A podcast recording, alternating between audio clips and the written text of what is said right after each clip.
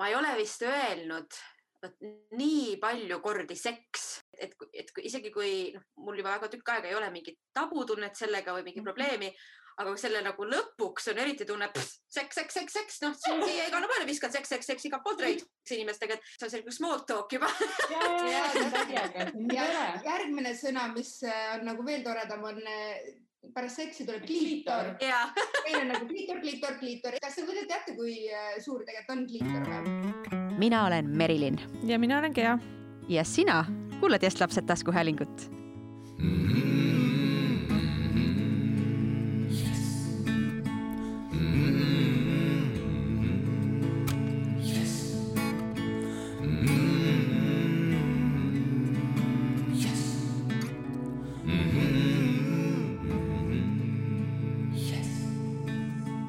Jess, lapsed. ja täiskasvanud. ja kõik need, kes ei tunne end ei täiskasvanu ega lapsena. kes on või ei ole lapsevanemad. me võtame siin taskuhäälingus ette kõiksugu kasvamise ja kasvatamisega seotud teemasid. näpistame neid pisut. kaasame erinevaid hääli ja mõttekäike ja anname justkui niidi otsa kätte. ja jätame sind siis mõtisklema ma mäletan siis, kui sa ütlesid, Gea, selle, selle lause välja, et kuule, et kas sa podcast'i oled mõelnud või? siis ma, minu nagu esimene mõte oli see, et issand ja, ja räägime, räägime ainult tabudest seal podcast'is, räägime, räägime ainult nendest asjadest, millest inimesed tegelikult nagu ei taha või nagu tahaksid rääkida, aga pole kellegagi rääkida väga.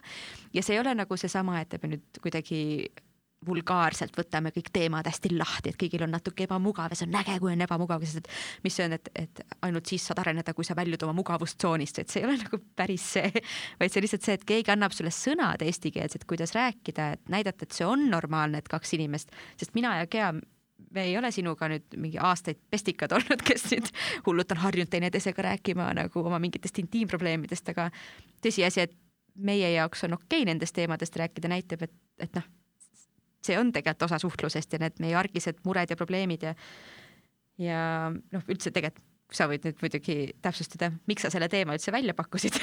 Ma arvan, et kõik äh, selle meie podcast'i teemad tulevad mingisugusest äh, isiklikust äh, huvist ühe või teise nurga alt ja isiklikust nagu väiksest torkimisest kuskil, on see siis kõhus või hinges või kurgus nagu, et, et just nimelt, et ei oska nagu rääkida, et tahaks nagu rääkida mingitest asjadest, aga, aga ei tea, kuidas. Ähm, seda teha, et äkki on, on mingi viis, et kui ma kuulen nagu teisi sellest kõnelemas, et siis äkki mingi julgus minus ka kasvab. et me ikka otsime ju seda kuidagi kinnitust iseendale, et sina oled õigesti, need mõtted on õiged, need teemad on õiged ja päriselt on ka viis, kuidas sellest rääkida. see, et me muidugi valisime esimest teemaks nagu seksi pärast laste saamist, see on selles mõttes noh, eks seal ole mingisugune mingisugune tagamõte selles mõttes ka, et, et kui sa nagu, see on umbes nagu Black Mirrori vaata esimene osa, kui sa vaatad Black Mirrorit ja kui sa esimese osa ära vaatad siis sa vaatad ülejäänud sarja ka, see nagu,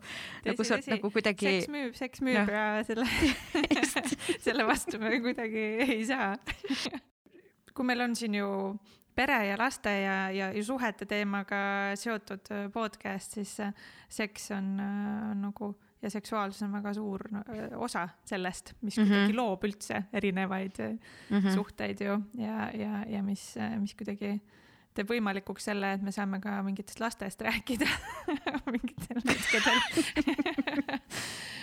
ja justkui, kuna ma saan aru, et, et enamjaolt sõbrad ei ole eriti nagu meiekeelsed sõbrad sellised, kellega sa istud maha ja ütled, et kuule, kuidas teil nagu seksiga on ja, ja, ja mida iganes veel, siis ähm, hea on ju, kui kaks võõrast häält räägivad sellest hoopis küsivad hoopis teiste võõraste inimeste käest ja nemad saavad rääkida just nagu sellest, kuidas neil on ja loota, et ükski tuttav ei kuula mm -hmm. seda. ütleme aasta-kaks tagasi ma ei oleks osanud sellel teemal absoluutselt kaasa rääkida, mitte midagi. ma arvasin ka, et ma tean, kuidas asjad on, ma arvasin, et ma tunnen iseennast päris hästi juba, äh, et noh, mis seal ikka, et noh, ühesõnaga ma olen viimase aastaga teinud sellise suure avastuse ära, et, et, et kuidas nendest teemadest rääkida, mida, ma olen fakte saanud teada, ma olen nii palju saanud teadust selle taga teada ja nii palju häid mõtteid näiteks selle kohta, et, et kui inimesed teaksid, kui vähe tegelikult teised inimesed seksivad, siis nad ei muretseks üldse nii palju selle üle, kuidas nende kodune elu on või no kuidagi nagu olen nii palju aru saanud, kuidas teistmoodi mõelda nendest teemadest. ja kuidas laiemalt ole... mõelda, on ju jah, et see ei ole ainult see just, nagu just, tegu, et see, et keegi nagu ei, seks ei ole siis füüsilises suguaktis nagu ei tähenda, et nad just. ei oleks lähedased, et nende elus ei oleks intiimsust ja, ja et nad ei oleks seksuaalsed inimesed, jah. Seekord väga oluline disclaimer, me proovime muidu väga nende, nende taskuhäälingute osadega olla hästi, hästi kaasavad, hästi, hästi laia nii-öelda hääle, häälekonnaga või häälkonnaga, aga seekord paratamatult tuli osa selline, et on väga-väga nii-öelda heteronormatiivne, ta on väga binaarne, me räägime siin naistest ja meestest ja räägime, meil on kõik, kui ma ei eksi, siis on kõik ka heterosuhetes, kes siin äh, saates seekord osa võtavad, ehk siis ta on üpris nii-öelda kallutatud ühele küljele, aga ma arvan, et siiski mõtteid ja, ja kuidas lastega rääkida ja, ja üldse, kuidas sellest teemast mõelda, et neid saavad kindlasti ka need inimesed, kes võib-olla nende suhetega ei suhestu. vot kust tuli nüüd tore selline alliteratsioon see, et minul on äh, kaks last, kellest üks on hetkel, praegusel hetkel veel kõhus, nagu tähendab ka ainult seda, et mul on see iseenda kogemus äh, iseendana, lapsevanemana, mida ka tegelikult ei ole võimalik mõnes mõttes võrrelda äh, teistega. Ja ma saangi praegu rääkida ainult ise, iseenda baasilt, täpselt nii nagu sina saad rääkida iseenda baasilt. Ja ja, ja et sellest ei ole ju midagi äh, hullu, vaid see just ongi lahe, sest et mulle tundub, et väga palju inimesi tõesti tahavadki nagu üldistada või nagu rääkida ja mõtlevadki, et teistel on kuidagi samamoodi need asjad et siis see võib olla just nagu värskendav ja mõnus nagu kuulata, et igaüks saab siin rääkida julgelt iseendast ja saab meile ka saata kõiki mõtteid ja kommentaare iseenda nagu lähtepunktist. sellel teemal selles suhtes on väga raske peatuda, et seks pärast sünnitust äh, ja enne sünnitust, pärast või enne lapsi, on tegelikult ikkagi niivõrd individuaalne, sest et inimeste üleüldine seksuaalsus on nii tohutult erinev, rääkimata sellest, et tänapäeval on endiselt veel inimesi, kes on seksiga seotud tabudes kinni sellest ei räägita isegi omavahel korralikult mitte ja näiteks beebigruppides liigub nii tohutult palju äh, erinevaid inimesi, kus mõned ütlevad, et saavad sünnitusmajast välja ja kohe hakkavad pihta. teised on sellised, kes ei suuda nagu mõeldagi enam sellele. peale laste saamist, eriti kui neid võib-olla on mitu, et mitte ainult üks, siis äh, tihtilugu ei leidu seda aega Äh, sellisteks intiimsemateks hetkedeks, siis äh, on hästi oluline meeles pidada ka see, et hellust saab ka teistmoodi jagada kui, äh, kui ainult siis vahekorras olles. et siis tuleb lihtsalt väärtustada väga neid väikseid hetki, mis, mis on nagu võimalik, sest et laps pöörab elu suht kolmsada kuuskümmend kraadi pea peale. mul tuli just meelde, et ma tahtsin reageerida sellele seksi teemale alates hetkest, kui ma sain teada, et ma olen rase, olen ma olnud üksikema ja ma hetkel näiteks ei kujuta ette, et ma kellegiga peaksin seksima. see tundub mulle väga veidralt nagu minu poja petmine et ähm, tema on viimane, kes seda kohta nii-öelda külastas. ja tema on see, kes iga päev nagu minu rindade otsas on see tundub kõik nagu tema territoorium, muidugi ei ole see midagi kuidagi seotud ma ei tea, veidra armastusega minu lapse vastu. lihtsalt ähm, miskipärast niimoodi minu peas see asi on. Need hääled ilmselgelt ei olnud minu ja Geo hääled, vaid need olidki siis äh, mõned jestlaste jälgijate mm, audiosõnumid, mis nad meile saatsid. seekord tuligi neid kolm, sellepärast et väga mitu inimest kirjutas mulle, et nad et nad väga veel ei julge oma häälega sõnumeid saata, mis on väga okei okay,, aga kuna me väga palju tegelemegi oma ebakindlustega ja oma, oma julgusega, siis äh, ma loodan, et järgmisel korral isegi saab rohkem ja pikemaid mõtteid, sellepärast et hästi huvitav on kuulata neid mõtteid, mis ei tule iseenda peast. Kuule, Merilin, aga mul on niimoodi, et ma hea meelega ikkagi tutvustaksin sulle mm, kolme oma tuttavat meest. Aaret, Priitu ja. Veljot ja Keilast. ja, ja nendega saab niimoodi jube hästi sõbralikult ja kergelt ja, ja humoorikalt sellesse teemasse kuidagi edasi sukelduma hakata mm. -hmm. Mm -hmm. no ta on üpris, ta on jah, ta võib olla raske, nii et ma väga ootaksin sellist kerget lähenemist et äh, nemad on nüüd sellised mehed, kellel on ähm, oma podcast Korralikud pereisad Keilast, neid leiab Facebookist ülesse ja ma mõtlen, et uurime natuke, et mida need korralikud pereisad siis äh, seksist mõtlevad. milline oksüümoron. korralikud inimesed teadupoolest ei räägi seksist omavahel ega teistega, veel vähem võõraste naistega no vot, no vot, paneme nad proovile. Kas te kuulete meid ka? pane kaamera ka sisse. pane kaamera sisse ja siis näeme ka, siis on lihtsam siin jõulu, jõuluvana Albertiga. tere! tere! jaa, ei, ei, täitsa tavalised mehed, ei ole issand jumal korralikud, korralikud pereisad Keilast, tere tulemast. Meid on kolm, aga üks ei paista. kas ma saan aru, et salvestus juba käib või? meil kõik juba ammu salvestab aga, aga, aga me peame ka salvestama või? see oleks hea. Ma panen intiimsed tuled ka pane jah, see meeleolu on hästi oluline nüüd. pane sealt tuli kustu, siis me oleme julgemad. Ats pani mingid LED-id käima praegu, noh, nüüd läks küll väga intiimseks. et, et mi, mina, mina tahaks korra nagu kuulda seda ka lihtsalt nagu endale taustaks, et kuskohast see nagu mõte tuli üldse või mis teil see korralike pereisade nagu skeem on ja, ja, ja kellele see suunatud on ja mis see nagu mõte on? Ja see on väga hea küsimus, sest meil on hästi detailselt läbi mõeldud kõik need teemad. kõigepealt tegime uuringu, siis kirjutasime projekti. just. ja, aga kõik, noh, kõigepealt tuli Ats, ütles, et hakkame tegema mm. -hmm. mida me ei tea, teeme midagi. ja esimesel, esimesel, esimese saate korral ka me istusime siiasama laua taha maha ja meil oli, kõigil olid tekstid ette kirjutatud, millest hakkame rääkima ja niimoodi ta, niimoodi ta algas selles mõttes, et see põhjalik eeltöö oli, noh, olgem ausad, reaalsus oli see, et meil minut aega enne salvestust tegelikult ei olnud kellelgi väga aimu, mis, mis saama hakkab järgmise tunni aja jooksul.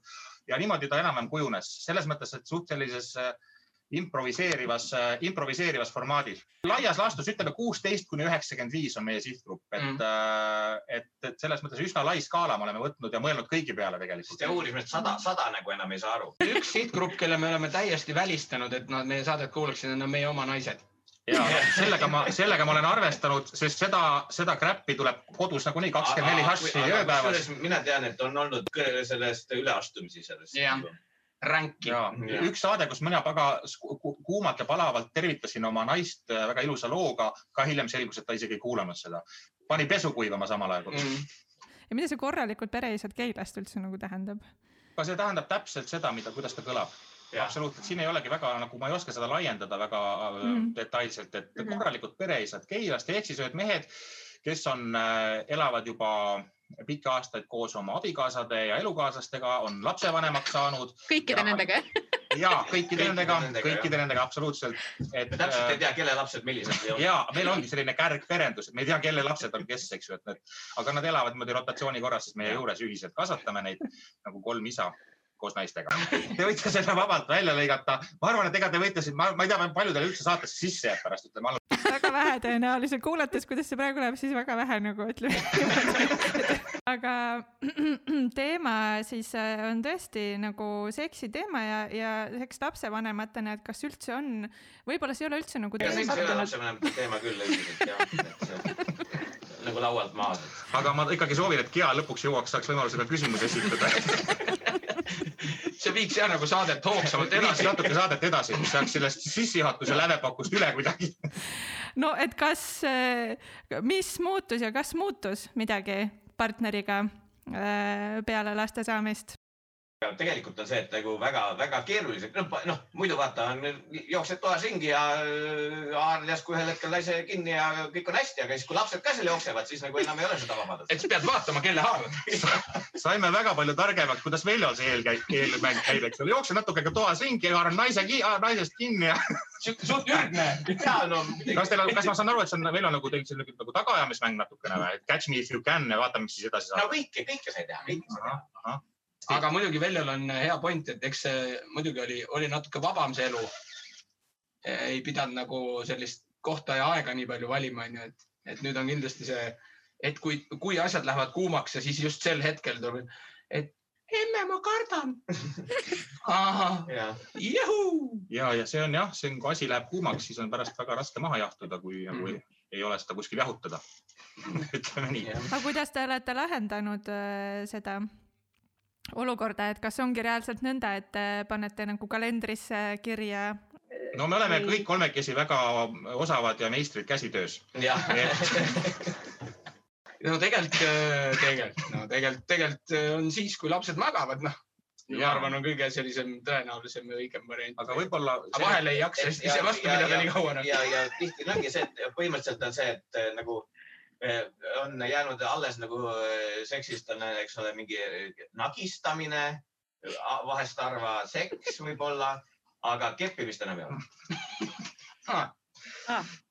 aa, ja eks see sagedus kindlasti ka muutub, et enne lapsi oli seda roosa udu ja romantikat ja intiimsust kindlasti natukene rohkem ja see on täiesti loomulik, et tegelikult noh, vähemalt esimene aasta pärast lapse sündi, eks selle ema ja abikaasa nii-öelda aeg ja energia ju väga suures osas selle, selle beebi peale kulub ja ma arvan, et siin mehed tegelikult peavad sellest lihtsalt aru saama ja edasi hundipoosi kasutama lihtsalt, et ega siin muud ei ole. Või nagu Veljo ütleb, vahel natuke nahistama ja, ja ega siis see intiimelu kuhugi ei kao, lihtsalt jah, ta, ta muutub, rutiin muutub täielikult, et noh, meil, meil poisid, ma ei tea, kui me võtame kokku praegu äh, kolme peale, et kui tihti keskmiselt me nädalas praegu äh, vahi, vahikorras oleme, siis äh, mina julgen öelda, et tegelikult peaaegu iga päev, peaaegu esmaspäev, peaaegu teisipäev, peaaegu kolmapäev ja nii, ja nii nädala lõpuni, et äh, et selles mõttes ei ole midagi halvasti, peaaegu iga päev on ju parem kui mitte midagi ju. et eks ta, eks ta niimoodi on, et, et muud. aga samas on see, et kui lapsed saavad jälle suuremaks, onju, siis nad niikuinii tahavad eraldi olla rohkem mm -hmm. ja siis tekib kohe võimalusi. ja meil aga, näiteks aga siis, siis hakkab jälle õppeprotsess, et kuidas see kunagi kõik käis.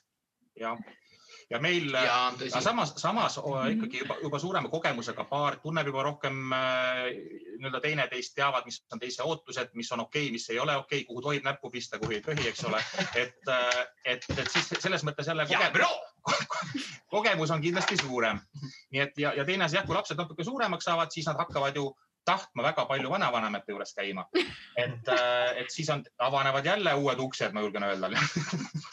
ma mäletan, vaata kevadel oli, kui see esimene karantiini aeg oli või inimesed olid kodudes, siis kas see oli ikka Gwyneth Paltrow, kes kirjutas, et jube raske elu on, et, et üldse ei saa seksida, sest kogu pere on kogu aeg koos. Mhm. ja siis mind nagu noh, natuke nagu tekkis see tunne, et vau, et ka rikkad nutavad. Mhm. aga teistpidi mul tekkis see tunne, et kuule, mine pekki, kui suur su maja on, sul on raudselt mingi kuradi nurgatagune, kuhu sa saad põgeneda. Aga mis need tavalised inimesed peavad korteris tegema? ja veel võib-olla nõkse ja nippe lapsevanematele, kuidas nii-öelda nagu Veljo ütles, nihverdada vahepeal natukene, et paned noh, lastele, lastele saab ju tegevusi anda, saata terviseradadele kõnnakut tegema, panna teleka ette mingit multikat vaatama, aga samal, nad ei lähe. samal ajal kui ise saab käia abikaasal aidata duši all selga pesta ja nagu Veljo veel kord ütles, nii-öelda nihverdada, eks ju, nii et tegelikult tuleb olla loov ja, ja leida, nahistada. vabandust, mitte nihverdada, kas nahistamisel ja nihverdamisel on ka ja vahe? nihverdamine, see, see nihverdamine on hoopis mingi teine tegevus. ma olen ikka nii, ma olen nii aga küsimus, okei okay,, sa ütlesid, et okei okay,, et siis saab lapsed maale vanema juurde ja teleka ette, mida kõike veel. Kas see on ka siis alati nii, et mõlemal samal ajal on ka see tunne peas ja kehas, et vot nüüd on aeg siis?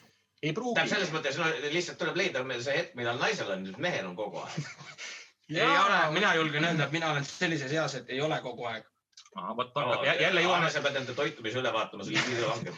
sibulat ja kala rohkem ja et äh, aga noh, tõsi ta on, et ei, mitte selle, sellepärast ma lihtsalt ei taha. ah, on saanud ka juba jah. ei, vot ma ütleksin, et ma jah, ma nii vanaks ei ole veel saanud, et Mina- ei, äh, vahel läheb tuju nii ära juba selleks ajaks, et vot siis ei tule tagasi enam kusjuures väike vahemärkus, Ats on vist kõige noorem. no vot ehkki see on küll kuudega mõõtmine, aga ikkagi. mm -hmm. kui vanad teie lapsed äh, hetkel on? ja minu tütar on seitsmeaastane ja poeg on kolmeteistaastane ehk juba selline varateismeline. minu vanem tütar on üheksa, noorem on neli. Ja mul on, üks on hõlptulu ehk siis mitte oma tehtud laps see on. sõber aitas. ta on juba kaheksateist ja, ja Mirtel on kaksteist. ja et eh, eks need vanused on juba, ma mõtlengi sellised, et nad, neid saab tegelikult väga suunata ka, kui on vaja leida selliseid mm, hetki teineteise jaoks rohkem. et aga ja, et ütleme tänaseks ma julgen küll öelda, et see olukord on äh, noh, selles mõttes ikkagi parem, kui me mõtleme intiimelu peale, et äh, kui lapsed on väiksed, beebias, just nimelt veel kord see esimene, esimene eluaasta pärast võib-olla on võib-olla selles osas kõige, kõige keerulisem periood. noh, ma räägin enda näitel võib-olla, aga ma räägin, et siin tuleb saada aru, et ka aasta, aasta jooksul pärast naise sündi, see on täiesti, vabandust, pärast naise sündi aasta, pärast lapse, pärast lapse, ma olen, nimelt ma olen, ma kohe ütlen ära, et ma, ma olen tegelikult keelemees, et kui ma väljendan ennast kummaliselt, siis see on sellepärast, et ma olen keelemees et mul tuleb ette selliseid äh, keelevääratusi päris tihti Äh, nüüd ma unustasin ära, kuhu ma jäin ah,. et äh, pärast, pärast lapse sündi esimese aasta äh, jooksul peab ka mees aru saama sellest, et organismis on toimunud sellised muudatused ja, ja naisel lihtsalt ka täiesti nii-öelda teaduspõhistel põhjustel ei ole seda nii-öelda isu väga. et, et see on, öeldakse ikka, ma usun, et see on täitsa loogiline, kui mees seda teadvustab, siis, siis on võimalik see täitsa rahulikult see aasta üle elada.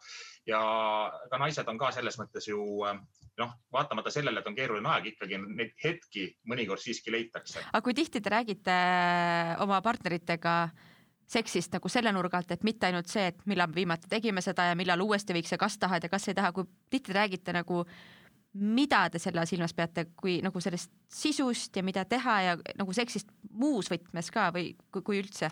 kui nii palju aastat on koos olnud, siis küll on tekkinud selliseid küsimusi ja teemasid, et, et mida sa veel tahaksid proovida selles valdkonnas või mida uut või mida võiks teisiti proovida, kas oleks midagi huvitavat, mida tahaks proovida. Mhm. et selle, sellel teemadel küll ja mina tunnistan ilma häbita, et mina tunnistan ilma häbita, et äh, olen, ma arvan, et täitsa niisugune keskmine hot lipsi ja musta panteri e-poest tellija.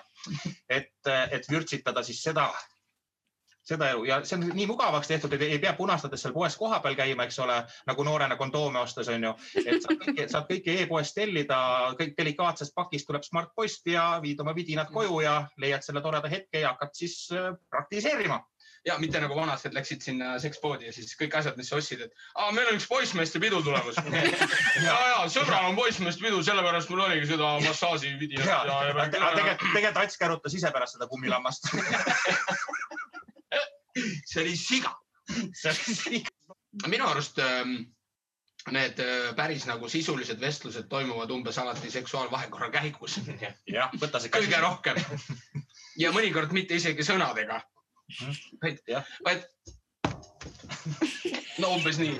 jah, pane see käsi nüüd ole hea siia totuna kaua ma vihjan? jah, aru ei saa see ei olnud juhuslik. jah, jah. okei okay ja sellise mängu on abikaasa mulle ka teinud, et purgi sisse on pandud sellised sildid, iga sildi peale mingi tegevus ja siis leppisime kokku, et iga nädalavahetus me võtame sealt pimesi ühe sildi ja vaatame, mis seal kirjas on mm.. aa, kui äge. prügi välja. pane pesu kuivama aga teate. vaatame koos Schindleri listi jah, vaatame Tõde ja õigust see laupäev õhtul. aga ma korra, ma küsiks seda, et see, ütlesite kõik, et, et on mingi periood, kus ei ole vahikord ega vahekord ega seksi kuidas te sen nendel aegadel siis seda füüsilist intiimsust hoiate või kas seal on mingid alternatiivid, et kui te siis nagu seksini ei jõua, kuidas seda kõigil käed püsti, kolm kätt püsti, sel-, laske tulla. Aga ei ole raske vastata, vaata, see on nagu selline asi, et ilmselt naise jaoks on need alternatiive või asendusi rohkem, mis võib-olla täidavad nagu seda lünka. Mm.. ma arvan, meeste jaoks ei ole väga neid alternatiive eriti. Äh,. laienda seda mõtet natuke mis sa arvad, et mis naiste jaoks võivad olla? noh, nii nagu ma olen aru saanud, naiste jaoks on ta palju nii-öelda vaimsem äh, tegevus kui mehe jaoks. mehe jaoks on ta, ma arvan, rohkem selline füüsiline tegevus, seetõttu ongi, et naisel saab äh, sellise romantikaga ka ju võib-olla sellist äh, seda, seda intiimelu osa natukene asendada, et, et lihtsalt olla romantiline, tähelepanelik, väiksed žestid, võtad ümbert kinni vahel, kui naine midagi kuskil askeldab seal, eks ole võib-olla ka natuke kogemata riivad mingisuguseid noh, kehaosi, eks ju, kätt näiteks, et küünarnukki või varbaid ja et ja just nimelt siuksed väiksed märgid ja žestid teinekord, et sul avastad ja sul tuleb ikkagi meelde ja naine kordab või mees kordab naisele, et sa ikkagi, sinust ikkagi hoolitakse. kas see siis mehele ei mõju või, kas teised mehed on nõus? mõjub, need žestid mõjuvad ikkagi ka mehele, aga, aga mõtlengi, kui palju nad intiimelu nagu asendavad, need on lihtsalt sellised südamlikud hetked, kus mees tajub, et mu naine ikka armastab mind, näed, ma isegi ei küsinud ja ta tõi mulle õlut poest, kujutad sa ette, eks ju. et see on sellised väiksed žestid, aga, aga jah, nad ei ole nagu, vähemalt minu jaoks nad ei ole nagu kuidagi selle intiimeluga otseselt otseselt seotud, nad on lihtsalt muus mõttes sellised hästi südamlikud, toredad hetked, et et ma ei tea, sõbrad, täiendage, mul on, ma, kuidas, mis teie jaoks on asendus, asendustegevus no,? mitte, mitte asendus, aga mida nagu, et kuidas nagu sel ajal, kui te teate, et seksi ei ole, et kuidas te ikkagi seda nagu lähedust hoiate inimesega, et, et kuidas see nagu, et see, et see päris pausile ei jääks, et kuidas te nagu jah, nagu hoiate seda nii-öelda sütt ikkagi natuke tiksumas, kuni on aeg, et jälle see leek lahvatab seal onju. no see klassikaline rutiin, tere hommikust ja tundmusid ja mm -hmm. lahkumis ja tulemismusid ja kõik see. aga tegelikult see, mida Priit ütles, see on päris hea point ka, et Need ka ja, aga just, et see sihuke juhuslik, spontaanne mingi näperdus mm. -hmm või kallistus või no.. ja läks romantika jälle ära. aga ei no see tegelikult mõnes mõttes nagu see, mis Priit siin üldiselt vahepeal rääkis, et, et nagu mingi kellaajal lähed mööda ja see, et tegelikult ongi suhtes mees on ka mõnes mõttes nagu pommitehnik, et ta peab vaatama, millal maksab näppima hakata, millal ei maksa, millal tuleb kaugele joosta. demineerija. jah aga mis on need hetked siis või millest see tuleb, et on mingid hetked, millal ei tasu justkui näppida või kas see on? see, see, see on see persekondi tunne, millega tuleb ära tunda, et ah, kurat, praegu vist ei aga kas te olete rääkinud, kas see on nagu mingi asi, mis on nagu laual või teema, et te kuidagi arutate, et kas te olete näiteks väljendanud või kui tihti te nagu räägite sellest, et, et ma vahel nagu ei tea, kas on õige aeg kuidagi hakata sind siin nihverdama, nähverdama, nahistama, mida kõike veel või kuidas, et kas see on ka mingi, kui see, kas see on mure teie jaoks ja kas te räägite sellest? Jah, mm, jälle enda eest saan ainult rääkida, küll oleme vestelnud nendel teemadel, et mhm. vahel, vahel jääb nagu selline mulje, eks, et abikaasa nagu ootab, et eh, just spontaanselt läheneks niimoodi ootamatult ja mm. niimoodi, aga siis mõnikord, kui ma olen seda teinud, siis, eh, siis, siis ikkagi tundub, et see vist ikka ei olnud kõige parem hetk, et mm, -hmm. et, et, et, et, noh, et eks ta niimoodi jah, see intuitsiooni pealt nagu see tajumine on natuke keeruline, aga jällegi sellest tuleb lihtsalt rääkida, et, et mis need tuleb ilmselt mingid koodid kokku leppida, salasõnad mm, -hmm. paroolid, eks ju, et ei, see pole praegu see. issand, mul läks nüüd, nüüd läks meelest ära, mul oli hästi, mul oli jõhkralt hea küsimus, mida ma nüüd ei suuda, aga ma küsin hoopis seda, kas teil on siis mingid, kas teil on tunnet, on ka mingid müüdid, millele te peate justkui äh, noh, nagu kui me räägime seksist mehe ja naise vahel, eriti kui on lapsed, et kas on mingid müüdid, mis endiselt kuidagi kehtivad selle kohta, kasvõi selles osas, kui tihti inimesed seksivad, kas te teate näiteks, kui tihti teie sõbrad tegelikult oma partneritega vahekorras on ja kas see mõjutab kuidagi seda, kuidas te ise seda oma vahekordi nagu hindate, et liiga vähe või liiga palju, liiga palju. Aga see selleks? Aga ei, mina arvan, et jah, et tegelikult nagu me, me nagu tegelikult ei tea üldse, meil isegi õrna aimu ei ole, millist äh, intiimelu elavad teised, et me nagu äh, võib-olla ettekujutus, aga see ei pruugi vahel harva võib-olla on mingi, mingil määral jutuks tulnud kuidagi, aga, aga ei ole jah, väga. ma tean küll, et naine ükskord rääkis, ta käis mingi, mingi pundiga kuskil, ma ei mäleta, kus kohas, siis ta rääkis kuidagi, et, et seal tuli jutuks äkki see oli see, selle Epp Kärsini koolitus või midagi. ja siis, et, et seal tuli jutuks, kui palju keegi seksib. ja, ja siis, et äh, kuidagi oli nagu et ta arvas, et mingid inimesed, keda ta teadis, seksivad palju rohkem ja tuli välja, et seksivad hoopis vähem. sest mõnes mõttes teie ju ka olete olnud noh, kakskümmend viis aastat või kauem sõbrad onju, et ma ei tea, aga te ei ole ju niimoodi kokku tulnud võib-olla, et rääkinud või palju, kui palju te omavahelgi olete nagu jaganud seda, et oo, et peale, oh et pagan nagu, et nüüd on küll nii raske nagu periood praegu või et, et kuidas teil on või et mida sina oled teinud, et oma nagu äh, abikaasale nagu jälle kontakti saada või et pole nagu siukseid vestlusi, ma ei tea, nende aastakümnete jooksul ei ole olnud võib-olla palju ju ei no siuksed, et kuule, et jaa, et meil jälle nüüd mingi periood on kuidagi väga keeruline olnud ja, ja see, neid on ikka olnud, et ütleme su suhe, suhete seksi. mõlemad saame aru nagu, et jah, kurat, on kuidagi läinud jälle niimoodi, et proovime jälle midagi ette võtta et.... ma olen nõus, et võib-olla jah, et üleüldiselt suhetest, kui on mingid kas keerulisemad või rõõmsamad ajad ja, või mingid raskused või rõõmud vastupidi, eks ju, et, et nendest pigem, et ütleme intiimelust väga minimaalselt. ma olen võib-olla mm. Atsiga natukene rääkinud ka, kui me oleme käinud kahekesi kuskil kalal, et need on, need on võib-olla sellised kahe sõbra vahelised vestlused, et need on, need on asjad, mida mehed, ma arvan, niimoodi selts, suuremas seltskonnas või pundis nagu ei, väga ei räägi, et et need, aga, aga tõesti ka siin ühe, ühe, veel ühe kolmanda sõbraga ka ma olen rääkinud ka küll natukene sellistest teemadest. aga, aga ma arvan pigem..., ma olen peaaegu igaühega teist niimoodi ük, ja ka jah, üks-ühele pigem mm. -hmm. ja, ja, just siis räägib nagu natuke. et nagu dialoogi vormis, et nagu suuremas pundis pigem on meil, tuleb sellist tavapärast möla, nagu me selles raadiosaates. tahaks tuua selle ühe teema veel sisse, viimase teema, et see, mis puudutabki ju rääkimist ka ja seda, et et kuidas me, kuidas me ise julgeksime rohkem rääkida, oleks ka võib-olla see, kui meiega oleks räägitud kunagi sellest erinevates kontekstides rohkem, on see siis kodus, koolis, sõprade ringis, kuidas teil lastega on? kas lapsed teile peale sattunud on, kas lapsed äh, on küsinud äh, seksi kohta, no teil on nii vanad lapsed, ma eeldan ja loodan, et mõned ikkagi on nagu, et mõnega on ju jutuks tulnud seda. Et kuidas olete neid olukordi lahendanud ja kas, kui mugavalt ennast selles tundnud või, või mis on mingeid nõuandeid, mida jagada? ja mul on, alustan sellest vahelejäämisest, et kui mul poeg on, kes praegu on kolmteist, nagu ma ütlesin, see oli nüüd aastaid tagasi, e, arvasin, et laps, ta oli no ta oli muidugi üsna pisike alles seal, kas nelja-viieaastane äkki, aga arvasime ka abikaasaga ühel nädalavahetuse hommikul, et laps sügavalt põõnab alles ja asusime nahistama. aga äkki oli laps ukse peal ja siis ma mängisin selle välja, et nagu me mürame, tegin kõdi-kõdi-kõdi-kõdi ja laps sai väga hästi aru, sest ma lapsega mürasin ka väga palju, et meil oli veel kurat, see kukkus nii, nii halvasti välja, et ma ei, aga ei tõesti, ma ilma, ilma naljata, ilma häbita, ma lapsega väikses eas, kui ta oli, väga palju mürasime, oligi niimoodi, möllasime seal kuradi hoidsime kinni, kõdistasime ja nii edasi ja siis ta sai nagu aru sellest, tema jaoks oli see väga loogiline, noh, emme-issiga müravad ja täpselt, aga no endal oli muidugi napakas tunne nagu äkki keset siukest intiimset momenti, kõdi, kõdi, kõdi. et selles mõttes. aga oota, mis see. võib-olla oli, et naine ei näinud ka ja siis mõtles, mis teed?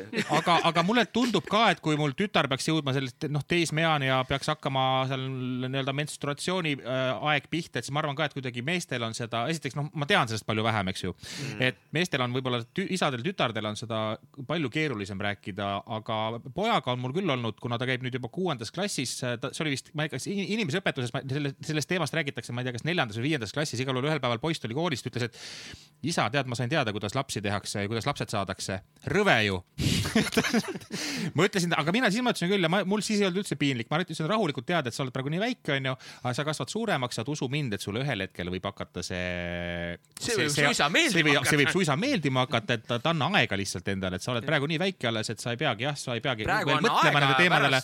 aga kindlasti jah, seal ma olen nõus, et meie lapsepõlves sügaval nõukogude ajal oli see täielik tabuteema, et ma ei mäleta küll, et äh, vanemad või isa oleks minuga kordagi nendel teemadel rääkinud, kõik oma suured teadmised ma olen ikkagi praktika ja, ja ise, ise omandanud. kas, kas sinu kodus ei olnudki raamatut Oliver ja Ur Urlike? oli, Eesti, Eesti väike seksiraamat oli õigus, see oli veel mustade kaante vahel ära peidetud vanematele, see oli raamaturiiulis, kui vanemaid polnud kodus, siis mina studeerisin sealt, seal oli ka igasugused vahi, vahikorra poosid ja värgid. ma olin ka, ma arvan, kuskil kuues klass ja küll ma ootasin siis juba, et ma tahaks suureks kähku saada.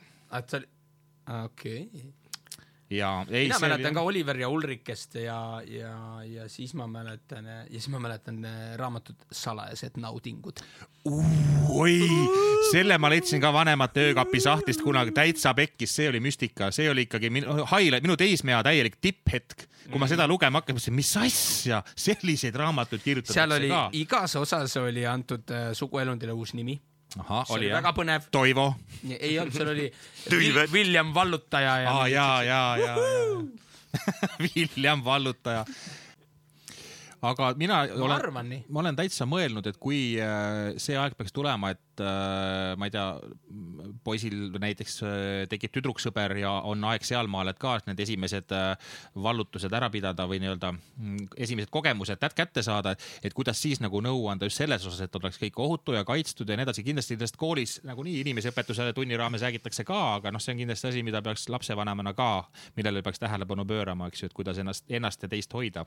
et need on, noh, need on asjad, millest, milleks ma olen ennast hetke ette valmistunud, et kui see päev ühel hetkel peaks tulema, et siis äh, kuidas sellel teemal nagu peaks lapsega siis suhtlema ja vestlema. aga Priit, ma nüüd äh, tuletan sulle meelde, kas sa mäletad ise, kui sina olid kolmteist? ja ma mäletan, kui ma olin kolmteist. ma ütleksin, et mina olin üpris hästi juba sellel ajal informeeritud aga siin me jälle nagu tegelikult kogu see vestlus läheb hästi kitsalt jälle nagu sellise, selle füüsilise nagu akti peale, aga üldse nagu lastega äh, nende kehadest, ma ei tea, kui palju te räägite. see, see ka väikelapsel on seksuaalsus ju täitsa olemas, see on kõik arusaadav. ma tunnistan küll, et ma ei ole küll äh, tütrega nendel teemadel üldse rääkinud ja pojaga nii palju, kui ta pigem on ise küsinud, ma tunnistan seda, et ma ei ole nagu ette võtnud seda, et hakata ise selliseid vestlusi nagu äh, nii-öelda äh, pidama. et pigem ongi olnud, et lapsel on tekkinud mingi küsimus, ta on saanud teada, noh, seal tänapäeval kõigil lastel nutitelefonid ja osad seal klassikaaslased vaatavad seal pornot onju ja siis äh, kutt jälle küsib igasugu asju selle kohta onju, et mis, mis asi see porno, mis asi, mis see tähendab seal et mismoodi seal teevad niisuguseid filme või. ja no siis ma olen püüdnud nagu rahulikult seletada jah, et see on selline omaette. ja tule issi arvutisse, ma näitan sulle tule issi arvuti juurde, ma näitan.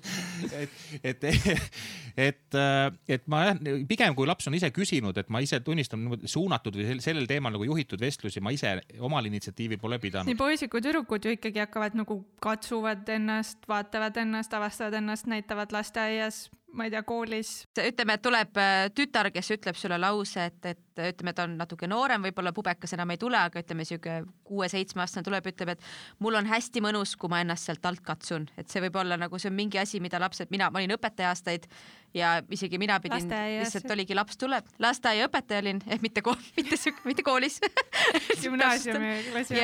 üks kolleeg tuli, et et ja mina nagu õpetajana ilmselgelt pidin noh oligi väga neutraalselt selgitad, kõik lapsed on nagu justkui noh, võrdsed, mul ei ole kellegagi ebamugavam kui mingi teise lapsega.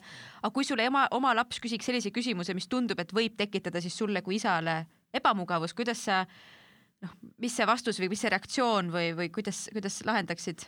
See oli väga hea teema ja küsimus, sest ma tunnistan, ma praegu absoluutselt ei oska ette ennustada, kuidas ma reageeriksin. noh, ma kindlasti oleksin kohmetunud, et kuidas nagu, mismoodi kõige äh, parem vastata oleks sellele küsimusele, eks ju. et no, äh, ma, ma suure tõenäosusega ütlen, et aga, aga räägi emaga mina äh, teoreetiliselt. ei, ei, ma teen nalja, ma loomulikult ma üritaks ma, tol hetkel selle kuidagi ära lahendada, aga, aga ma, ma tunnistan, ma jään praegu vastuse võlgu, ma ei tea üldse, absoluutselt ei tea, kuidas ma lahendaksin selle. ma, ma olen selle teemaga põhimõtteliselt kokku puutunud ja siis me tegime selleks, et no, no okei okay,, kui sa tahad seda teha ja, aga siis on, see on sihuke koht, et sihuke asi, et seda sa teed kuskil, kus sa oled täiesti üksi. privaatselt just aga see pani mind küll praegu mõtlema ja et, et äh, kuidas ma reageeriks, ma ei oska öelda. ma arvan, et Veljo vastas väga õigesti, see ongi ju nii, et äh, see on sinu keha ja ja see on, see on täiesti okei okay ennast avastada, aga jah, et seda kindlasti ei tehta teiste ees ja nii ongi. väga hea, mina sain ka nüüd vastuse, kui see küsimus peaks tulema, absoluutselt väga-väga hariv saade ausalt öeldes on saanud mm,. Yeah. kas teil endal on äkki midagi, mis te tahate, noh, selle teema lõpetuseks, et kui me räägime, no võtame, noh, fookus on nagu seks pärast laste saamist, seks nagu seksuaalsus partneritena, kas see on mingisugune noh, ma ei saa soovitusi öelda, kuna tõesti iga paar on erinev, iga suhe on erinev, mis iganes, aga mingi mõttetera, mis teid on aidanud või mingi mantra või mingisugune mingi asi, mida te tahaksite, et teised ka teaksid või millele nad võiksid mõelda? ära anna alla, ta tuleb tagasi. jaa. alt on päris hea veel ma arvan, et tuleb üle olla oma igasugusest häbitundest, tabudest ja võtmesõna, et kõigil oleks mõnusam, on see, et tuleb lihtsalt avatult suhelda nendel teemadel ja, ja, ja. ja piinlikkusest üle saada ja olla julge, küsi, kas sa tahad seda proovida. kui on ei, on alati, tuleb kokku leppida, ei on alati okei okay vastus. aga ka mõnikord peab ka meestele meelde tuletama, et võib-olla nagu lastele, et, et igal pool ei ole viisakas. ma mõtlesin seda, et päriselt, et äh, suhelda ka mitte ainult oma partneriga, aga vaata, mis aitab, on ka täpselt see, et kui sul on äh, mingid usaldusväärsed sõbrad või, või kui sa ka suhtled nendega, see annab päris palju juurde, sest see kasvõi seesama tunne, et neil on ka nii vä mm. -hmm, mm -hmm. just, just, kõik läheb, kõik läheb mööda, kõik tuleb tagasi. tuleb lihtsalt proovida igasuguste. vähemalt võiks loota. aga väga tore oli teid näha ja väga tore nagu, et äh, ikkagi nagu olite valmis. mulle meeldib juba see nagu idee või nagu mõte sellest, et, et teil oli olemas valmisolek ja et te saite ka omavahel võib-olla nagu midagi ähm, jälle teistmoodi nagu. ja, ja., ma sain küll targemaks. absoluutselt, mina ka veel lähedasemaks, kui ütlesite, et kogu aeg oled üks-ühele rääkinud, siis näen nüüd juba nagu kolme kaupa nagu väike samm edasi, ma ei ütle, et neid teemasid peab kogu aeg rääkima mingi nagu lauluväljakul massidele, aga, aga just siuksed nagu ja, ja, ja mina siit küll sain ka nagu mõtteid äh, juurde. absoluutselt ja ma, mina tunnistan küll, et ma sain nüüd ka kahe sõbraga nii palju lähedasemaks, et ma isegi natuke kardan, kui see saade nüüd läbi saab, et siis me jääme siia kolmekesi siia tuppa. aitäh teile.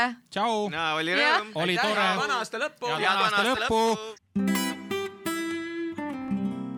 nüüd on äh, hea hetk pisut hoogu maha tõmmata, võib-olla teha kolm sügavat hingetõmmet sisse-välja ja lasta nendel teemadel korra settida. aga ma pean ütlema, et äh, mulle väga meeldis see, see lõik, mis sa mulle saatsid, see mõtisklus äh,, mis sa mulle saatsid üks päev seksiteemadel, mis sa oma ema koeraga äh, pidasid ma hea meelega kuulaksin siit ühe, ühe lõigu. ma ütlesin, ma olen väga palju aega üksinda olnud just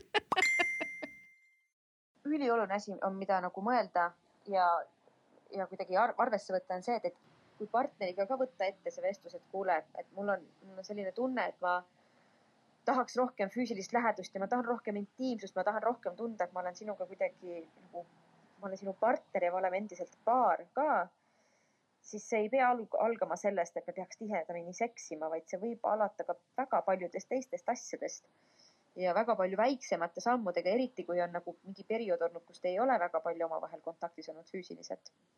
ja, ja, ja see ei pea alati olema nagu mingisugune, see ei pea ka kohe kasvama kireks, see võib väga palju aega võtta, et see kuidagi tuleks tagasi nagu argipäeva osaks see, et, et inimesed omavahel üldse räägivad seksist ja seksuaalsusest ja oma vajadustest ja oma kehadest ja kuidagi, ma ei tea.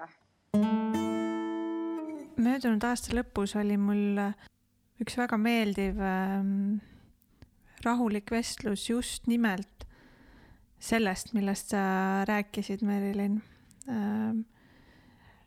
seksuaalsusest laiemalt ähm,, sellest, kuidas tulla selle juurde tagasi samm-sammult, äh, kuidas äh, leida aega, kuidas olla koos ja minu vestluspartneriks Tere. oli siin äh, mina Pirgot. olen Pirgot Kivinurm. olen ähm, abikaasa ja kolme lapse ema ja olen ähm, väga huvitatud psühholoogiast, joogast, kirjutamisest. et olen selline ähm, parandamatu äh, maailma mõtestaja ja elu mõtte otsija või nagu mu abikaasa ütleb, siis selline lõputu eneseparandaja. ja selle eneseparandamise käigus ma kirjutasin ka raamatu Seksuaalne, otse ja ausalt. ja vot siis sellest raamatust äh, palusin ma Birgotil esimese hooga ka. isegi huvitav on niimoodi kõva häälega lugeda. et eks ma ikkagi vaikselt lugesin selle ka hiljem läbi aga ja niimoodi paberi peal on ikka hoopis teine asi kui, kui kuskil oma peas või arvutis isegi. inimesed on oma olemuselt väga sotsiaalsed olevused. peale selle sünnime me kõik siia ilma ka seksuaalsete olenditena. lisaks meie eostamisele on ka sündimine kui selline oma olemuselt seksuaalne.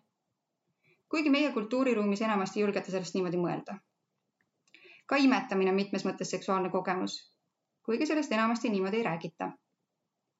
meie kõige varasem elukogemus on kogu oma olemuses väga-väga seksuaalne. lihtsalt väga teises tähenduses, kui meie täiskasvanute seda esimese hooga mõistame. eelneva tunnistamine on muutunud kole tabuks vaid seetõttu, et meie ühiskonna täiskasvanute seksuaalsus on paljuski väga vigane ja enam üldse mitte loomulik. seksuaalsus ei võrdu seks. seksuaalsus võrdub elujõud seksuaalsus tähistab meie maailma nägemist ja eneseväärikust, meie tunnete, mõtete ja kehataju ühtsust. terve seksuaalsus on hellus, lähedus ja headus. see on eneseväärtustamine ning kogu oma olemuse tajumine hea ja nauditavana. see on soov jagada oma headust teistega, nii mõtete, tunnete kui ka tegude tasandil. seks on seksuaalne tegevus seksuaalsuse väljendamise täiejõuline viis. kui me saame areneda loomulikult ning meil on piisavalt toetust ja turvalisust, et igal arenguastmel endale sobivalt ja eakohaselt kulgeda, siis saab areneda ka ilus, kõiki osapooli jõustav ja tõelist ühendust loov seksikäitumine mulle väga meeldib äh, siin tarkvanem.ee leheküljel on äh, seksuaalkasvatuse all kuidagi äh, toodud selline seksuaalhariduse äh, püramiid. seal püramiidis on ka nõnda, et, ähm, et nad kuidagi ütlevad, et sellise seksuaalhariduse ähm, see tuleks rajada tugevale vundamendile, on ju, et kõigepealt äh, panna vundamendi baasiks selline identiteet ja väärtused, ehk siis toetada identiteeti, väärtuskasvatust, seejärel räägime sellest, mis puutub kehasse ja alles kõige lõpuks nagu räägime tagajärgedest ja järglaste saamisest, et ma arvan, et see on päris selline äh, kuidagi nagu huvitav, huvitav mõte. ja ma pole sellega tutvunud, aga, aga ma nagu täiesti kogemuslikult nõustun sellega, et, et see kõik ju tegelikult põhineb äh, nagu üleüldisel suhtumisel endasse ja maailma, sellesse, kuidas sinusse on suhtutud, kuidas sa siis äh, õpid äh, teisi ja maailma nägema et see kõik algab tõesti sealt väärtustest, tõekspidamistest. jah, kõigest, mis sa saad esimeste õpetustena elust kaasa. selles oma raamatus sa ähm, sellise valdava osa pühendad kuidagi oma mm, seksuaalsuse arengu kirjeldamiseni, kirjeldamisele ja see minu jaoks just nagu natuke nagu lõppes, et ta kulmineerus on ju sellega, kui sa kohtasid oma abikaasat ja, ja, ja kuidas siis avastasid sellised uued tahud. Mm, aga väga palju sa sellest ei rääkinud, kuidas lapsevanemaks olemine või laste saamine on sinu mõtteid ja kehataju ja kõike kuidagi muutnud. ja, ja see on, see on muidugi väga huvitav punkt iseenesest ma arvan, et see laste saamine kui selline ei mõjutanudki nii väga oluliselt mu seksuaalsuse arengut või muutumist. et nagu me ka enne vaikselt siin rääkisime, et, et see kõik muu seal all, see enesekindlus, eneseteadlikkus, enda väärtuste, elu põhimõtete ülevaatamine, et see oli palju suurem töö ja palju suurema mõjuga seksuaalsuse kujunemisel ja muutmisel kui laste saamine iseenesest et see laste saamine on alati üks võimalus veel vaadata teistmoodi. ja, ja muidugi see on ka muutnud, sest et äh, ta on, äh, ta on mõjutanud kasvõi selles osas, kui palju meil aega on partneritena. iga laps muudab seda jälle omakorda. ja muidugi hästi suure mõjuga laste saamise juures on ju see füüsiline pool, et äh, naine, mina tõepoolest, ma muutun päris palju.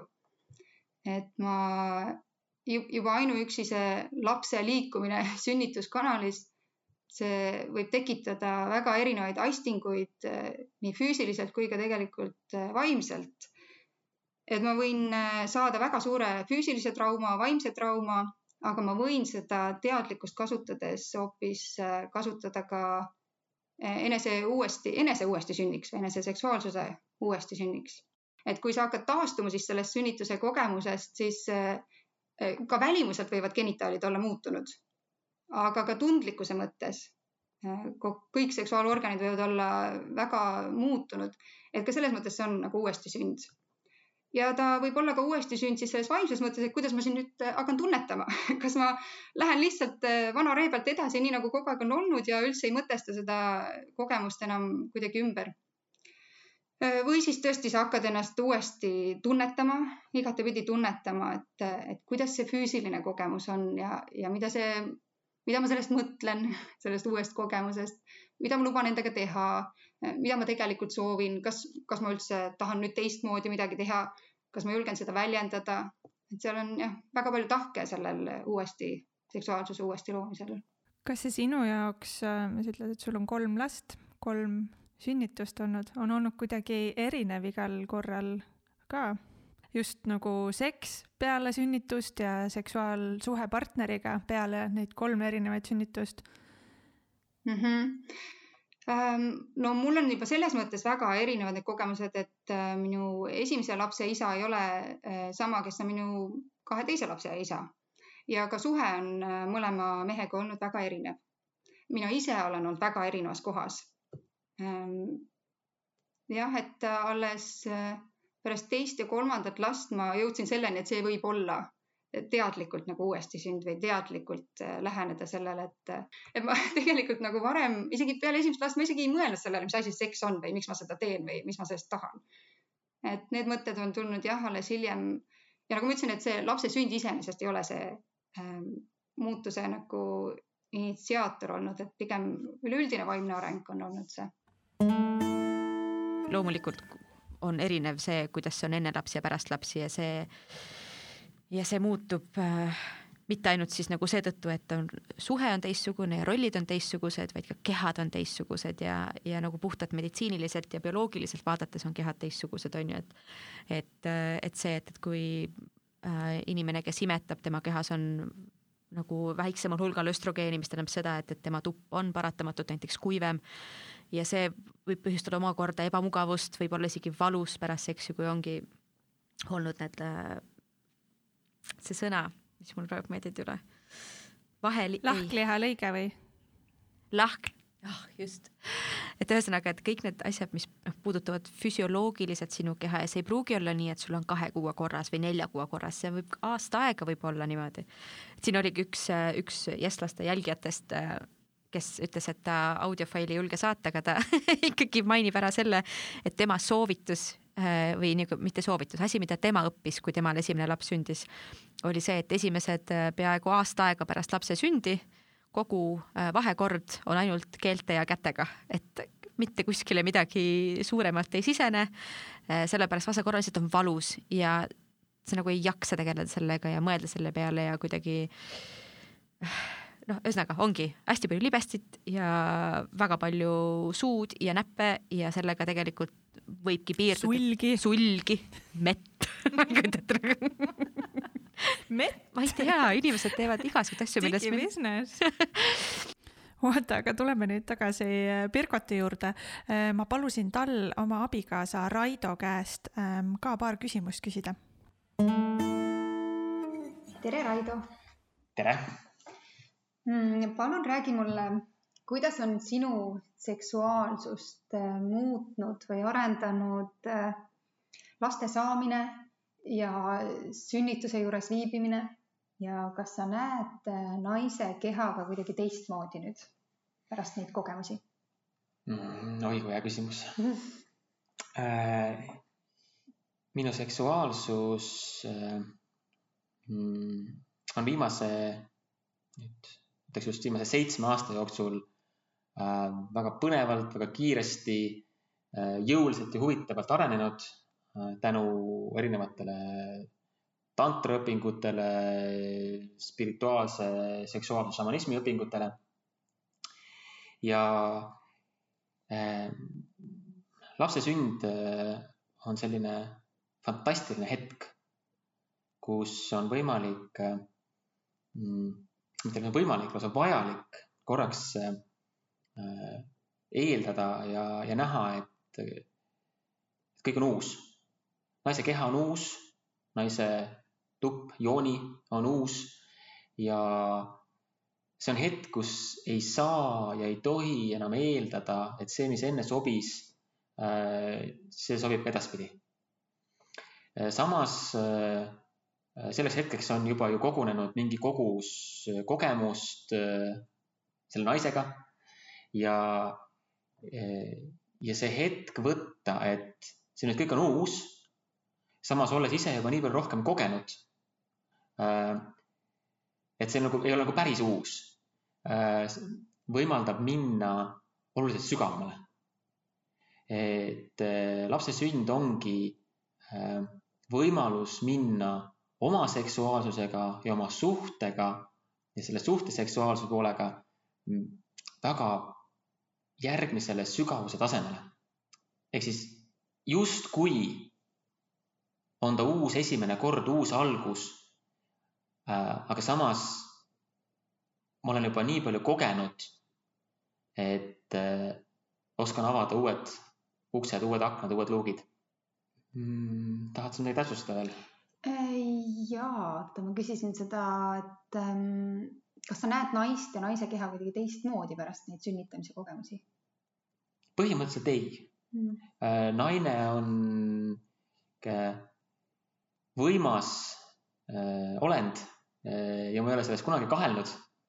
ja äh, see lapse sünnituse juures olek, toe, toeks olek äh, lihtsalt kinnistas Äh, seda, mida ma ju noh, niigi teadsin. nii tore, ilus, aitäh. sa ütlesid, et vahel on äh, raske, et see, mis muudab, ongi selline nagu äh, päevakava ja rutiini võib-olla muutus ka, mida lapsed perekonda toovad et on kuidagi keerulisem leida aega, tuleb seda teha teadlikumalt. mis need raskused kuidagi teie jaoks on olnud? Ja see on mulle väga huvitav küsimus, ma soovin sellele vastata küll et täpselt, kuidas ma nüüd sõnastan, et äh, mul on selles mõttes jälle nagu äh, ütleks põnev või eriline kogemus, et äh, et partneriga, kes mul praegu on, minu abikaasaga, meil pole kunagi olnud seda perioodi, kus me oleksime koos ilma lasteta. et me kohtusime, kui minu esimene poeg oli kolmeaastane et võiks öelda, et me oleme justkui nagu mingis eelisolukorras mõne paariga, et võib-olla oma esimese partneriga oli selles mõttes see muutus nagu drastilisem, et me olime harjunud, et me oleme koos, meil on väga palju aega, me oleme mees ja naine, me oleme partnerid. aga et nüüd järsku oleme ka ema ja isa. et kuidas siis nüüd nendes rollides hakkama saada kuidas harjuda. et eh, siis on nagu keerulisem, et aga jah, praeguse partneriga me kohe saime näha, et kuidas siis eh, kuidas siis lapse kõrvalt üksteise jaoks aega leida ja kas see on üldse oluline ja miks ta on oluline.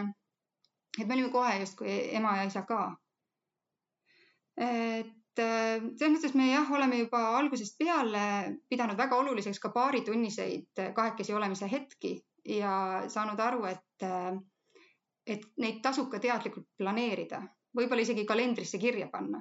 Et kui algul see tundus mulle veider, et noh, see peaks ikka spontaanne olema, et ka füüsiline lähedus peaks õudselt spontaanne olema, muidu pole päris õige et siis äh, tegelikult me saime koos päris ruttu aru, et, et me peame võtma selle aja et see spontaansus saaks üldse kuskilt otsast tekkida. et eh, kui me oleme kogu aeg koos, ema ja isa ja, ja kogu meie teema on kodu ja kodu korrashoid ja laste kasvatamine, et ega siis paari nagu paarina mehe-naisena seda spontaansust väga ei tekigi kuskilt. et mõnikord on nii, et me võtamegi tead kuu jooksul ühe laupäeva kaks tundi ja, ja me oskame seda päriselt hinnata ja, ja mõnikord me kasutame ka neid õhtuseid hetki, et äh, kui lapsed magavad juba, siis äh, kasutame ja, ja ega see aja võtmine ei tähenda see, et me nüüd kohe kargaks voodisse ja hakkaks seksima.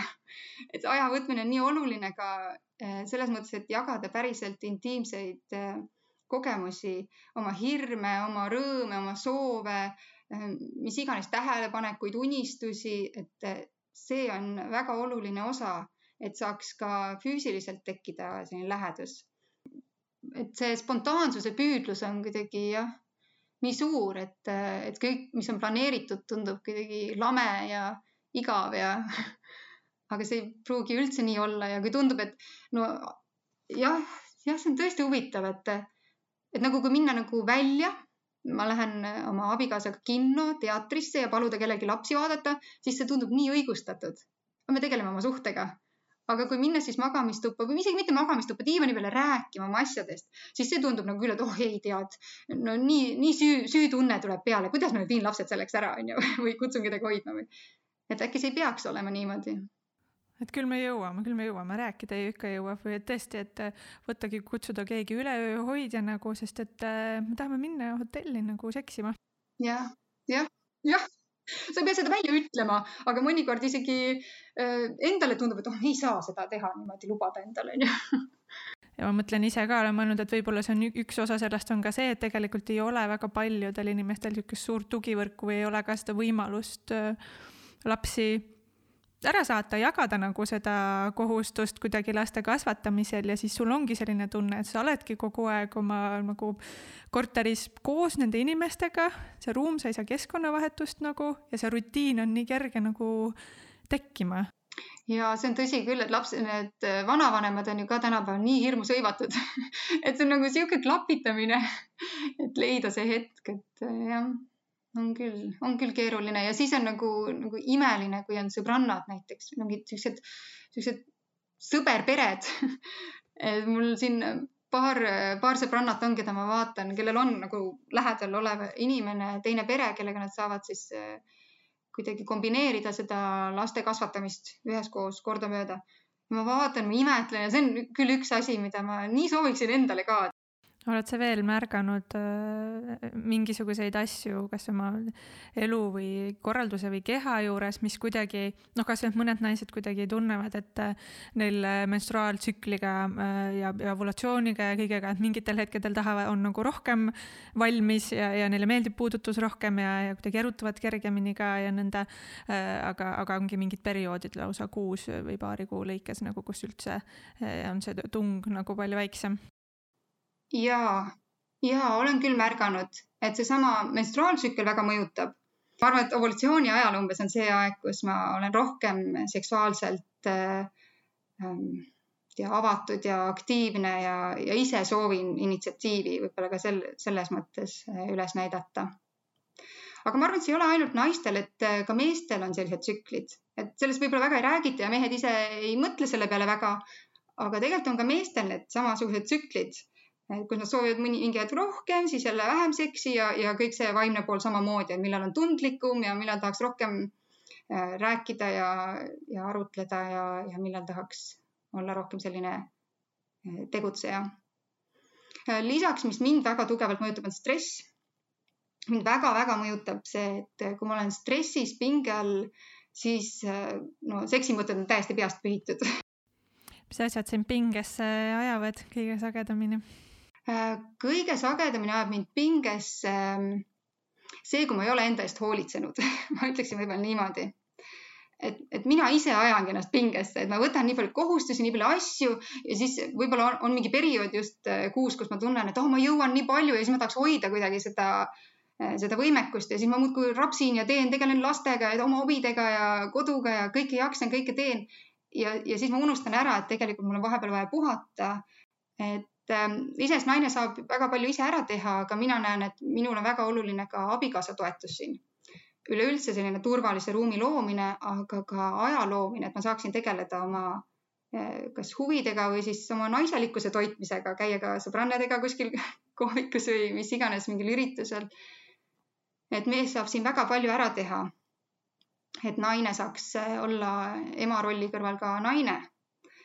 Ja mõtisklesin siin just üks päev, et äh, rääkisin isegi abikaasaga sellest, et, et kui see luuakse, kui mees loob selle äh, ruumi ainult selleks, et ahah, ma tean, et naisel on seda vaja, siis äkki saab seksi ka kui, kui ma olen talle selle ruumi loonud, siis ei tööta.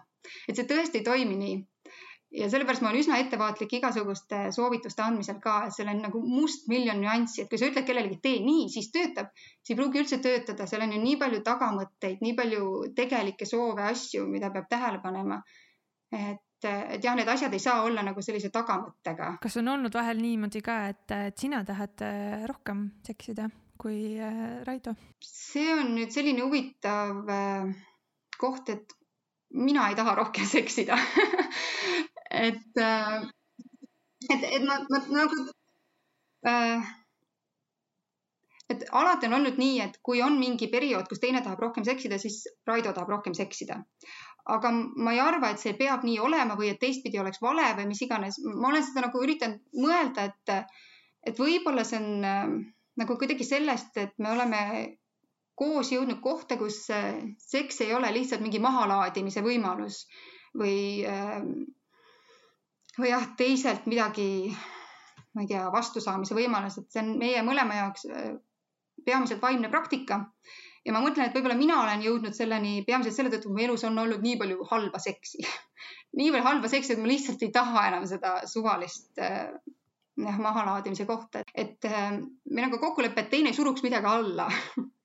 Et ma kunagi olen maininud, et me oleme nii äh, ideaalsete traumadega nagu sobivate traumadega, siis võib-olla üks väga hea näide siia on see, et äh, et nagu ma ütlesin, minul on olnud palju halba seksi, ma pole osanud öelda ei, sest ma olen kogu aeg kasvanud teadmises, et see on naise kohustus, kui naine tahab, siis naine annab. ei oska öelda ei en,, täiesti ennast kahjustades. Äh, ja Raidol on jälle olnud kasvatus, kus ei tohi peale suruda, ei tohi peale käia, onju. et, äh, et noh, et, et küsiminegi on selline natukene nagu ebaviisakas asi juba.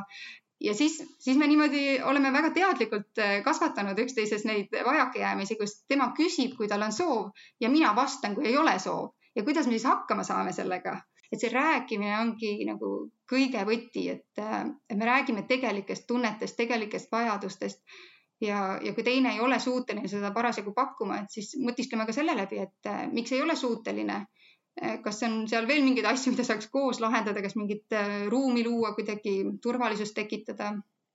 kas on mingid teemad, mis on vahepeal lahendamata, arutlemata? ah,. huvitav, hullult huvitav fakt, mille mina sain teada hiljuti, tehti uuring selle kohta, mm, mis põhjustel inimesed üldse seksivad seal oli küll, see võttis meid mitte ainult paarisuhet, vaid ka noh, ka vallalisi ja, ja kõiki teisi ja teistes suhetes olevaid inimesi, aga arvati alguses kunagi, et on kolm põhilist põhjust, mis on arvatavasti, et oli äh,, pean nüüd üles otsima, praegu ma ei mäleta, aga tuli välja, et tegelikult erinevaid põhjuseid, mida inimesed nimetavad äh, seksi siis nii-öelda ajenditeks on kakssada kolmkümmend seitse. ja sinna hulk, on ju, et see, see, see ei ole nagu, selle eesmärk iga... ei ole ainult. sest et äh, mul on kõht tühi, sest et just ma, ma tunnen, et me oleme praegult nagu äh, vähe teineteisele tähelepanu pööranud, ma natukene kardan, et ta, et kui mina ennast ei, ühesõnaga seal, seal on nii palju, seal on paljud teemad, mis või noh, paljud põhjused, mis jagunevad siis äh, kas ongi, kas nagu positiivsed, et mulle meeldib see, ma seksin temaga, sest et ta tekitab minusse turvatunnet, mulle, ma tahan näidata talle, kui palju ma hoolin, ma tahan äh, saada mingit nagu lõõgastust, mingit pingestest vabast, mis iganes, või on seal nagu need negatiivsed nii-öelda ajendid, et ma kardan, et muidu juhtub see, ma, ma, ma arvan, et kui ma nii ei tee, siis on see, ta on muidu kurb, ta on muidu pettunud, et noh, et et seal on nagu hästi palju erinevaid põhjuseid, et need ei ole ainult kolm, et ei ole mingi lapse saamine ähm,, kirg ja kindlasti jah, igavus, ma arvan, et on igal juhul olnud inimene, keda ma viitan, see Karen Kearney kogu aeg, kes mulle kohutavalt meeldib oma raamatus Mind the Gap. ta on siin öelnud ka, et, et kui te, inimesed tulevad tema kui siis ähm, seksiterapeudi juurde või seksinõustaja juurde, siis väga palju on probleem selles, et me ei tee seda piisavalt tihti. me nagu, mul on tunne, et ma nagu tahaks rohkem ja kui hakatakse siis lahkama, et miks sa tahaksid seda rohkem teha, siis tulevad just need kõik need põhjused nagu esile, et sest et mul ongi tunne, et, et kuidagi ei ole nagu lähedust viimasel ajal väga palju ja ja mul on tunne, et, et, et et ta pole mulle öelnud viimasel ajal, et ma olen talle oluline või näidanud välja või ühesõnaga, et seal on nagu see suhte enda dünaamika ja kommunikatsioon on nagu palju tugevam taustal ja seks on lihtsalt üks võimalik väljund sellele, et, et see vist on ka nagu mingi oluline asi, mida meeles hoida, kui jah, see lause lõppes sinna praegult -hmm see kõlab kõik ähm, suurepäraselt, on ju, nagu selline käsi, käsiraamatu näide ühest, ühest tervest äh, äh, seksuaalsuhtest pidevas arengus äh, olemisest, ähm, kui sa oled võib-olla oma sõprade ja sõbrannadega mm, rääkinud nendel teemadel, kellel ka on pered, kellel on pered, kellel ei ole pere, siis nagu mulle tundub, et neid lugusid on nii palju, neid lugusid on nii erinevaid. Aga, aga nii palju on ikkagi ka seda, et äh, noh, ja siis ongi ja, ja saime lapse ja siis jäi unustusse nagu unustuste hõlma see, et me üldse omavahel kuidagi, et me nagu otsime, otsime ja püüdleme selle turvalisuse ja selle pere ja selle läheduse suunas ja siis kaob ära, no kaob ära see kirg ja põnevus ja, ja, ja elevus nagu ja, ja tundubki, et aga nüüd ma olen ju, ma ei tea, ema, nüüd ma olen isa, nüüd ma hoolitsen siin oma laste eest. ja ta kipub olema küll, et eh, siis peabki tegelema enda arenguga, et kui üks juba areneb, siis teine on ka valmis seda kas toetama või endaga tegelema, siis on alati nii põnev. see kirg tuleb sellest, et teine on kogu aeg uus natuke, sellest põnevusest, et oo, kuidas ta nüüd arenes, oo, mis küljed temast nüüd välja tulevad. ja see tekitab hästi palju kirge, ma näen meie suhtes vähemalt küll niimoodi, et me iga, ei ihalegi ega igatse mingit uut inimest.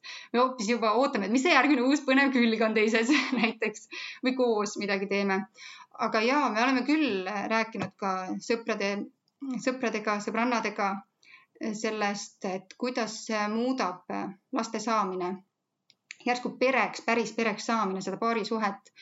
Et ma väga palju näen seda, et paarid igatsevad tagasi midagi, mis kunagi oli nagu ma rääkisin, et meil Raidoga kunagi ei olnudki midagi muud kui ainult lapsed ja pere, eks ju. et paarid väga palju igatsevad seda tagasi ehm, ja, ja nagu isegi kohati nagu leinas, et seda ei ole enam võimalik saada ja mida kõik, et, et nagu raskusi koha, ümberkohanemisega ja see on väga normaalne, eks ju. ja, ja kui ma rääkisin Raidoga sellest, küsisin, et mis tema on märganud sõprade juures siis, et mis see muutus on või igatsus on või. Et siis tema ütles niimoodi, et, et ja, et, et mehed ka igatsevad seda tagasi, aga et mulle tundub, et noh, et talle siis tundub, et, et naised nagu kaovad sellesse nii ema rolli ära ja nendest toimetustesse välja enam ei saa. aga et noh, mehed ka kaovad ära, aga nad suudavad ennast nagu välja tulla, tuua sellest aeg-ajalt. et tulevad välja ja siis ütleb nii, nüüd on võimalus, kallis, tegeleme nüüd paari suhtega või et lähme teeme midagi. Et nagu mehe, meestel justkui tuleks see kergemini, et on küll veel jaksu ja energiat võtta see fookus ja tegeleda meiega, äh, meie paari suhtega siis, et võib-olla ma üldistan praegu liialt, aga, aga tundub küll, et naised nagu kaovad rohkem ära sellesse. Et lähevad nagu natukene lappama kogu oma emaks olemise, perenaiseks olemisega. et, et kõik ülesanded on võrdselt olulised, et see köögi koristamine on sama oluline kui mehega intiimsuhte arendamine, laste mähkude vahetamine on sama oluline kui mehega kinno minemine, et lihtsalt on rodutegevusi ja tegevus on tegevus, need tuleb kõik ära teha aga et mehed on justkui suudavad rohkem fookust hoida, et nii, praegu see on meie paarisuhte asi, me tahaksime minna õhtust sööma, see on kõige olulisem. Need nõud ja mähkud ja asjad, need kõik oodaku, see ei ole praegu oluline. kallis, lähme. aga et mulle tundub jah, et naistel on nagu keerulisem sealt välja tulla. Oled sa ise kogenud sama ka? ja tegelikult olen küll. ma natuke isegi samastun sellega, et kui ma algselt isegi mõtlesin, et äkki see äkki see, miks ma ei saa välja tulla, on see, et mul ongi nii palju teha, mul ongi tead nii palju ülesandeid teha. ja siis see, kui, kui Raido oma üldistuse tõi, et või tema tähelepanek, et, et naised lihtsalt ei suuda sellest välja tulla et siis ma tundsin ära küll, et jaa, see on väga hea point tegelikult, et meil kõigil on nii palju ülesandeid ja nii palju asju teha aga et naistel kipuvad sageli need asjad kõik nagu võrdse prioriteedina kuidagi elust läbi käima. Inimesed, kui nad näiteks oma sõpradega või oma tuttavatega ei räägi äh, sellest intiimsest paarisuhte poolest, ei, ei pruugi tulla selle peale, et, et teised inimesed nende ümber ei, ei alati ei alusta seksimist ihast ja kirest ja mingisugusest tundest, mis ei mahu sinu äh,, sinu niud ja vöösse ära või mis iganes, et see, see käib nagu noh, seal on nii palju rohkem nüansse lihtsalt sees. ja, ja, ja see, mida mulle meeldis see, et Birgot tõi väga väga selgelt selle välja ka, et sa õpid igas rollis uuesti, kuidas oma partneriga seksida, nagu igas rollis ja mitte ainult mitte ainult selles võr nagu võrrandis, et, et enne lapsi ja pärast lapsi, vaid ka suhte alguses, siis kui olete aastaga koos, kui te olete kokku kolinud äh,, kui te olete kodu vahetanud, kui teil on esimene mingisugune trauma, mida te koos peate läbi tegema või üks teeb läbi, et seal on, või kui sa ise, väga oluline, kui sa ise saad vahepeal targemaks või ise õpid midagi või saad, loed mingit raamatut, mis muudab sinu arusaama nagu suhtlemisest ja kehast ja mida iganes veel, et, et ja iga kord sul on see uus roll, millega suhestuda, et see, et seks ei ole nagu asi, mis kas on või ei ole, ta, ta ei ole nagu noh, see on, see on lihtsalt nii nagu üheplaaniline viis, kuidas rääkida sellest, et, et see on üks asi jah, mida see porno ära unustab, et, et selle ümber käib väga palju rohkem kui need kaksteist minutit äh, iha. No jaa, ja noh, ongi ju seesama um, üks mu väga lemmikuid äh, baari- ja pereterapeut Ester Perel, kes on nagu palju rääkinud sellest, kuidas perekonnast ja, ja paari suhtest me sageli otsimegi sellist turvalisust nagu ja turvalisus on äh, tegelikult igasuguse kire surm väga paljuski sellepärast et kirge tekitab meis sihuke ootamatus äh, ja, ja põnevus ja, ja midagi on uut nagu ja nii. ja, ja siis tegelikult lapsevanematena me nagu automaatselt ja instinktiivselt nagu valdavasti nagu kuidagi suretame endas vaikselt selle osa ära või ta tõi nii toreda näite ühes oma artiklis, kus ta ütleski, et, et oli üks sihuke paar, kus siis mees peale laste sündi nagu oma mootorratta müüs ära, sellepärast et ütles, et nüüd enam äh, mul ei ole lubatud nagu saada surma motoõnnetuses onju, et ma ei tohi ennast ise niimoodi nagu teadlikult nagu ohtu panna onju. et me, et me nagu püüame luua seda ühelt poolt seda rutiini ja, ja, ja, ja turvalisust ja, ja nagu selgust oma päevades, sest et see aitabki nagu endal ka toime tulla eh, nii laste kui iseendaga.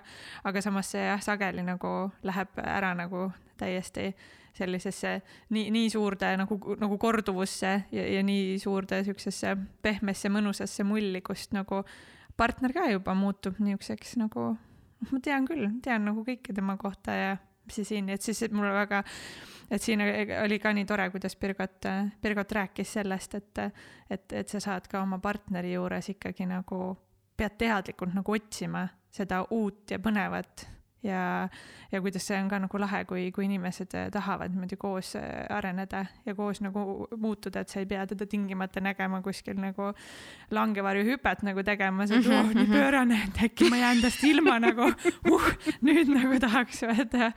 aga mis need siuksed väiksed asjad on, et kas ma oskan iga päev nagu, et kuidas ma valin seda partnerit äh, uuesti? ja noh, siin tuleb muidugi see ka, et alati ei peagi, kui me nüüd nagu selle seksiga seostame, see ei peagi alati meenutama seda nagu uut ja ettenägematut ja põnevat ja me vahetame asendeid nii palju ja kõik toad käime läbi ja ja, ja mida iganes veel, see võib vabalt olla ka see, mis te olete avastanud, et mõlemale meeldib, see on üks osa, mis ka ära unustatakse, et et seksi eesmärk ei ole lihtsalt seksida. mis ma ka veel olen äh, lugenud ja mis on olnud sihuke huvitav äh, mõttekäik ja ma ei olnud nagu varem sellele nõnda mõelnud, et ähm, et on äh, vanemaid, kes saavad äh, väga suure sellise nagu, kuna no ongi, nagu siin rääkisime ka, et seks on midagi nagu laiemat kui ainult selline äh, füüsiline nagu akt.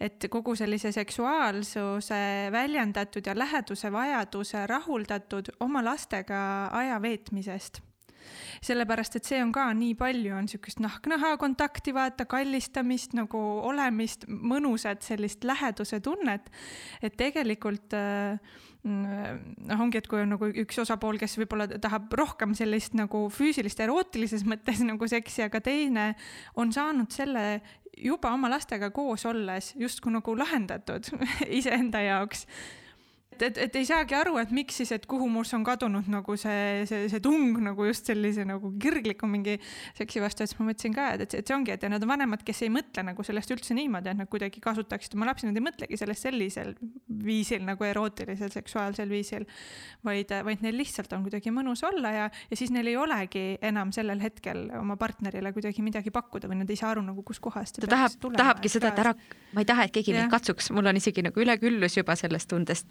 ja, ja, ja, ja. seks on ikkagi olnud, ma arvan, ka meie põlvkonnale nõnda nagu väga varjatud teema, see, et meie noh, on ju kogu aeg see, et issand, meie vanemad seksivad mingi öö, nagu ma ei taha sellest teada, ära räägi selle kohta nagu mida, et minu ema vaatab kedagi niimoodi, minu isal on mingid siuksed asjad nagu väkk, nagu ei, ma ei taha sellest rääkida, kindlasti mitte oma vanematega ja kõik see peaks olema nagu peidetud, aga tuua see nii selgelt nagu äh, mingisse, nagu sa ütlesid, et kui on raske nagu prioriteete seada, et tuua see nagu üheks prioriteediks, et seda on vaja lastele, lastele kogeda ja ongi just seksuaalsust nagu laiemalt, et meie vanemad on lähedased, mitte ainult nagu sõbralikud omavahel ja saavad nagu räägivad rahuliku häälega ja nii, aga et nad ka puudutavad, et nad suudlevad aeg-ajalt, et nad nagu äh, on kuidagi, seda on ju tunda, see on kuidagi jah, teistmoodi mingi energia. ja, ja tõepoolest, kui vanemad suudlevad ja puudutavad, siis nad kindlasti räägivad ka rahulikuma häälega nii et see kõik ongi omavahel seotud, on ju. Teie lapsed äh, teile kuidagi peale on sattunud mingitel hetkedel? ei ole, kusjuures ei ole. ei ole, me nagu ei lukusta ka ust äh,. aga me siiski noh, me, me peame seda seksi kui sellist ikkagi eh, lastega toimetamisest eraldiseisvaks asjaks, et me räägime lastega seksist, aga me ei pea neile demonstreerima seda kuidagi, kuigi me ei, me ei, me ei arva, et see on kuidagi hirmsad, kui nad sisse astuvad, et küll me seletame ilusti ära, selles mõttes nad teavad, mis asi on seks, me oleme seksist rääkinud. aga me oleme ka rääkinud seda, et see on täiskasvanud inimeste äh, väga ilus äh,. mõnikord oleme kasutanud sõna ka mäng, et see on nagu selline läheduse mäng, et mängu toonud ka sellepärast, et see ei ole midagi nii hirmus tõsist asja. et, et nagu teadlikult kasutanud mõnikord seda sõna. et eh, jah, et pole hullu, kui peale satuvad. kui vanad su lapsed on ja, ja sa ütled, et teil on tulnud see jutuks, mäletad sa mingeid konkreetseid seiku või millal ja kellega ja mis kontekstis see jutuks tuli lastega? mm. -hmm. poeg on, esimene poeg on üheksa aastane, tütar on eh, viis ja, ja väiksem on siis poolteist aastat. ja vanemate lastega on mõlemaga tulnud jutuks mm.. mõlemad on äh, küsinud ise, et emme, kuidas lapsed tulevad, kuidas äh, beebi saab emme kõhtu. ja üks meie põhimõtetest ongi see, et me räägime nii palju, kui lapsed küsivad. me ei suru ka nagu peale mingeid teadmisi, milleks nad ei ole valmis ja see valmisolek ei ole üldse ju vanusest sõltuv tegelikult, et selles mõttes on ka veider öelda, et aa, et see nii vanale räägi sellest ja nii vanale tollest. et kui ta ise küsib, siis ta on valmis selleks infoks, aga laste keeles et ja on küll küsinud ja ma arvan, et väga oluline siin, et mitte ainult valmistada ennast ette selleks, et kuidas ma lastega räägin. sest tundub justkui, et see lastega rääkimine võib tulla väga loomulikult, kui sa oled teadlik ka sellest, kuidas sa suurtega räägid seksist, mis tundeid see sinus tekitab, äh, mis sa mõtled sellest, kas seks on ilus, mis ta on? Ja kui see on nagu selge ja, ja lihtne ja normaalne, siis kuidagi lastega on ka lihtne tõlkida nende keelde see, et on selline ilus asi äh,, seks äh,, teevad mees ja naine omavahel äh,, kui armastavad üksteist ja kuidas see nuku siis läheb tussu sisse või mis iganes sõnu sa kasutad, et ka see sõnavara on ju väga oluline. Et mis sõnu sa suudad välja öelda mida ei suuda, milliseid sa kasutad üldse seksi kohta, mis äh, nagu jah, tooniga need sõnad on. et ja meie lapsed on küsinud ja, ja ma arvan, et on väga okei okay ka see, kui on ebamugav seda rääkida, et, et seda ei peaks nagu halvustama, et kui on ebamugav rääkida. et mul on ka ikkagi vahel kohti, kus, mis tuleb nii ootamatult, et oo, kuidas ma seda nüüd räägiksin. Et siis on hea ikkagi ja, eriti veel meid teades on ju meie põlvkonda, kus see oligi natuke tabu või sihuke häbi.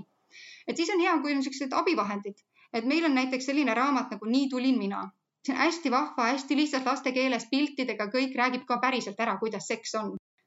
et ja nii on võib-olla noh, toob ka enesekindlust lapse, lapsevanemale, et näe isegi teaduslikult või kus iganes raamatus on kirja pandud, et, et siis on nagu abi ja on julgem ja enesekindlam lapsega rääkida, tuua mingeid pilte juurde ja, ja et need abivahendid kõik on väga okei okay, mu meelest see on äh, huvitav jah, sest oma raamatus sa ju kirjutad ka, et kuidas tegelikult teie perekonnas see oli isegi nagu selline nimetusega rumalasti tegemine. et sellest ähm, kuidagi suur samm edasi väga suur samm edasi on ju juba see, et, et tõesti vanemad räägivadki, kuidas lastele siis anda nagu adekvaatset infot, et nagu me räägime vaimsest tervisest, me räägime füüsilisest tervisest, me räägime füüsilistest kehaosadest, et miks me ei võiks nimetada neid nende nimedega, nagu nad on, mis siis juhtub nagu kuidagi või mis see hirm ikkagi seal taga on, et kui me ütleme, ma ei tea, nuku asemel peenis, et siis mis juhtuma hakkab kuidagi lapsega või meie endiga, et kumba me nagu rohkem kardame see on, see on tõesti väga hea teema, sest et äh, ma olen ju ise tundnud neid samu hirme nii väga nii väga, et kuidas ma ikka lapsele räägin ja, ja kuidas ma ise seda, no see on, on tohutu töö endaga. et, et ma julgeks rääkida kasvõi partnerigagi seksist, sest kunagi oli selline asi, et seksime ära, aga kunagi ei maini. Et, et kuidas seks oli või kuidas seks võiks olla või mis mulle meeldib, mis mulle meeldib. see oli nagu isegi omavahelist suhet oli kuidagi tabu rääkida ja mõtle, hakka siis lastele seletama, et see, ongi olnud tohutu töö ja, ja, ja kohati päris keeruline ja, ja ma arvan, et see on väga oluline, et laps teaks kõikide kehaosade õigeid nimesid. Ja, ja üks hästi oluline põhimõte, mis meil mõlemal Raidoga on, ongi see, et, et lastele juba varakult selgeks teha, et nende keha on püha. Kogu nende keha on püha ja nende kohustus on hoolitseda oma keha eest, hoida seda, kaitsta seda ja, ja, ja, ja enda keha uurimine on sama normaalne kui oma vaimu uurimine, oma mõtete uurimine et enda tundmaõppimine on ju igakülgne tegevus, eks ju, see on okei okay., enda keha uurimine, oma vaimu uurimine on, on samamoodi okeid ja ennast kaitsta nii vaimselt kui kehaliselt on nagu, see on iga inimese kohustus ennast hoida. Et lasta endale ligi ainult neid tegevusi ja inimesi ja suhtumisi, mis minul on okei okay,, et laps õpiks seda väiksest peale. ja siin on ju vanemad väga suureks eeskujuks ja selleks peabki vanem kõigepealt endaga väga suure töö läbi tegema et jõuda sinna kohta, et olla selleks eeskujuks. ja, ja laps peab teadma juba väga väiksest peale, et tal on õigus, kohustus öelda ei igasugusele suhtumisele, äh, rääkimisele, puudutamisele, mis ei sobi talle, mis, mis talle on halb, tekitab paha tunde ja, ja kui laps teab, et tema keha on püha, siis ta teab, et ka teiste inimeste kehad on pühad, ta ei lähe midagi tegema kurja teisele, eks ju. et kuidas äh, noortele Äh, kommunikeerida. et kui ma rääkisin siin juba lastekasvatuse põhimõttest, siis ähm, üks meie põhimõte on ka see, et suunata ise lapsed õiges vanuses õige kirjanduse või kursuste juurde.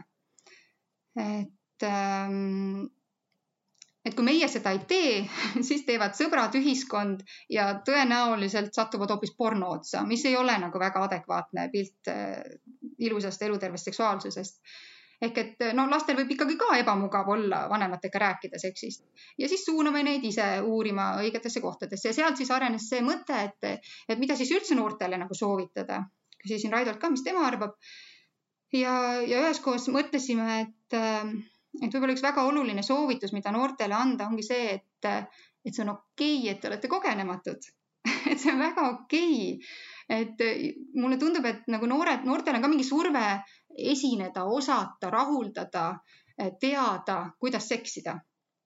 ei peagi teadma, see ongi okei okay,, et te mõlemad olete kogenematud ei oska ja teil ei ole kohustust teha kellelegi teisele rõõmu enda heaolu arvelt või mida iganes et, et kas, et kas siis kohe koos minna sellise avatud mõnusa suhtumisega, et me koos uurime, avastame ennast hoides muidugi, ennast kaitstes ja, ja teisega arvestades. et võib-olla see teadmine vabastaks ka päris palju pingest. et see on okei okay olla kogenematu, mitte teada.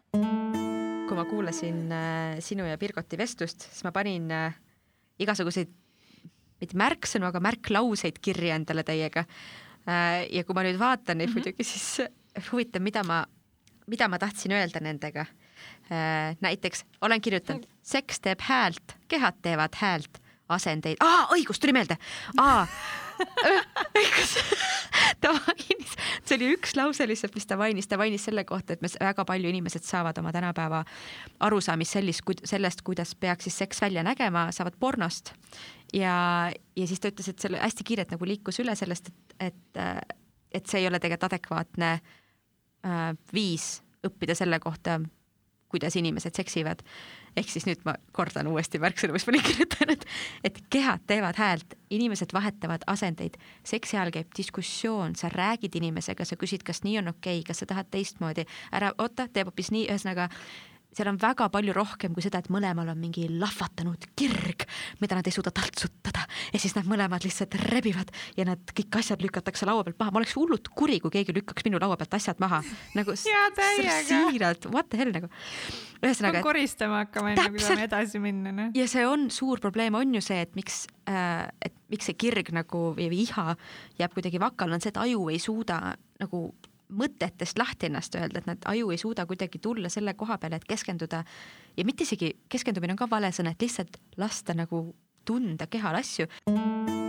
Mis meil on? Nüüd kaks tuhat kakskümmend üks on ju ja meil on endiselt mingid meeletud sellised suured mingid veidrad narratiivid, mida taastoidetakse kogu aeg pornotööstuse poolt, Hollywoodi poolt naised on harjunud äh, voodites hoigama, tegema kõikisuguseid trikke, mida nad nagu näevad, et justkui asjad peavad nii käima, kui ma nii ei tee, siis äh, mees ei tunne ennast hästi mm, -hmm. mina teen midagi valesti. äkki ma, kui mul ei ole nii, nagu on seal filmis, siis äkki ma olen katki, äkki minus on midagi valesti, äkki ma umbes ei funktsioneeri õigesti. ja, ja siis see vaene meespartner mõtleb ka, et oota, aga kõik on jumala okei okay ju, hüppab, karjub, teeb kõike, et järelikult ju asi ei funka okei okay,, ma alg, algan ja sa ütle, alustan ja sa ütle lõppu või? proovime, teeme proovi. okei okay,, no me proovime see on tõesti veider. mina olen äh, Tiina Malvannastu. ja mina olen Riina Riies ja meie teeme koos äh, Naked Love'i e-poodi ja meie üheks suureks eesmärgiks on äh, normaliseerida kogu naiste seksuaalsuse teemasid ühiskonnas. lisaks on meil kujundaja Piia Martin, kes on teinud kogu meie visuaalse identiteedi ja siis on Kristina Pirk-Vellemaa, kes äh, on üks inimestest, kes kirjutab meile blogisse, hetkel meie kõige olulisem blogisse -hmm. kirjutaja yeah. et äh, sest meil on kogu aeg olnud see kaks nagu olulist suunda, et me oleme tahtnud, et oleks esiteks äh, ta visuaalselt hästi ilus ja nauditav bränd ja teiseks, et ta oleks teaduspõhine ja artiklid oleksid pädevad, mitte selline kuulsin mingit külajuttu naabrilt mm. -hmm. meie, minu naabrid kuulevad väga teaduspõhist infot ja see ja kui ka on seal need naabrite jutud, siis me väga selgelt äh, eristame tekste üksteisest, mis tulevad naabrid, sõbrannad ja mis on ikkagi nagu eksperthinnang ja millised on nagu eksperte, kõik, mis puudutab, eriti mis puudutab naiste seksuaaltervist ja vaimset mhm. tervist seksuaalsuse teemadel et meil tekiks nagu normaalne harjumus eesti keeles üldsegi nagu seksist rääkida. just, just, just, just. me lihtsalt avastame ise ka enda jaoks mingeid teemasid ja me saame aru, kui sügavale tegelikult mingisugused äh, pealtnäha mingid lihtsad asjad, et kui sügavale need tegelikult võivad otsapidi mm -hmm. nagu jõuda ja kui olulised need on, et kui ka olles suhelnud äh, ongi mõne siis nagu seksuaalteemadel koolitajaga, psühholoogidega, ämmaemandatega, et see tegelikult see nagu asi on naljast kaugel, et äh, see on nagu täiesti inimeste elusid mõjutav äh, teema, mida, mille üle tegelikult oleks vaja nagu in general suuremalt tõstatada diskussiooni.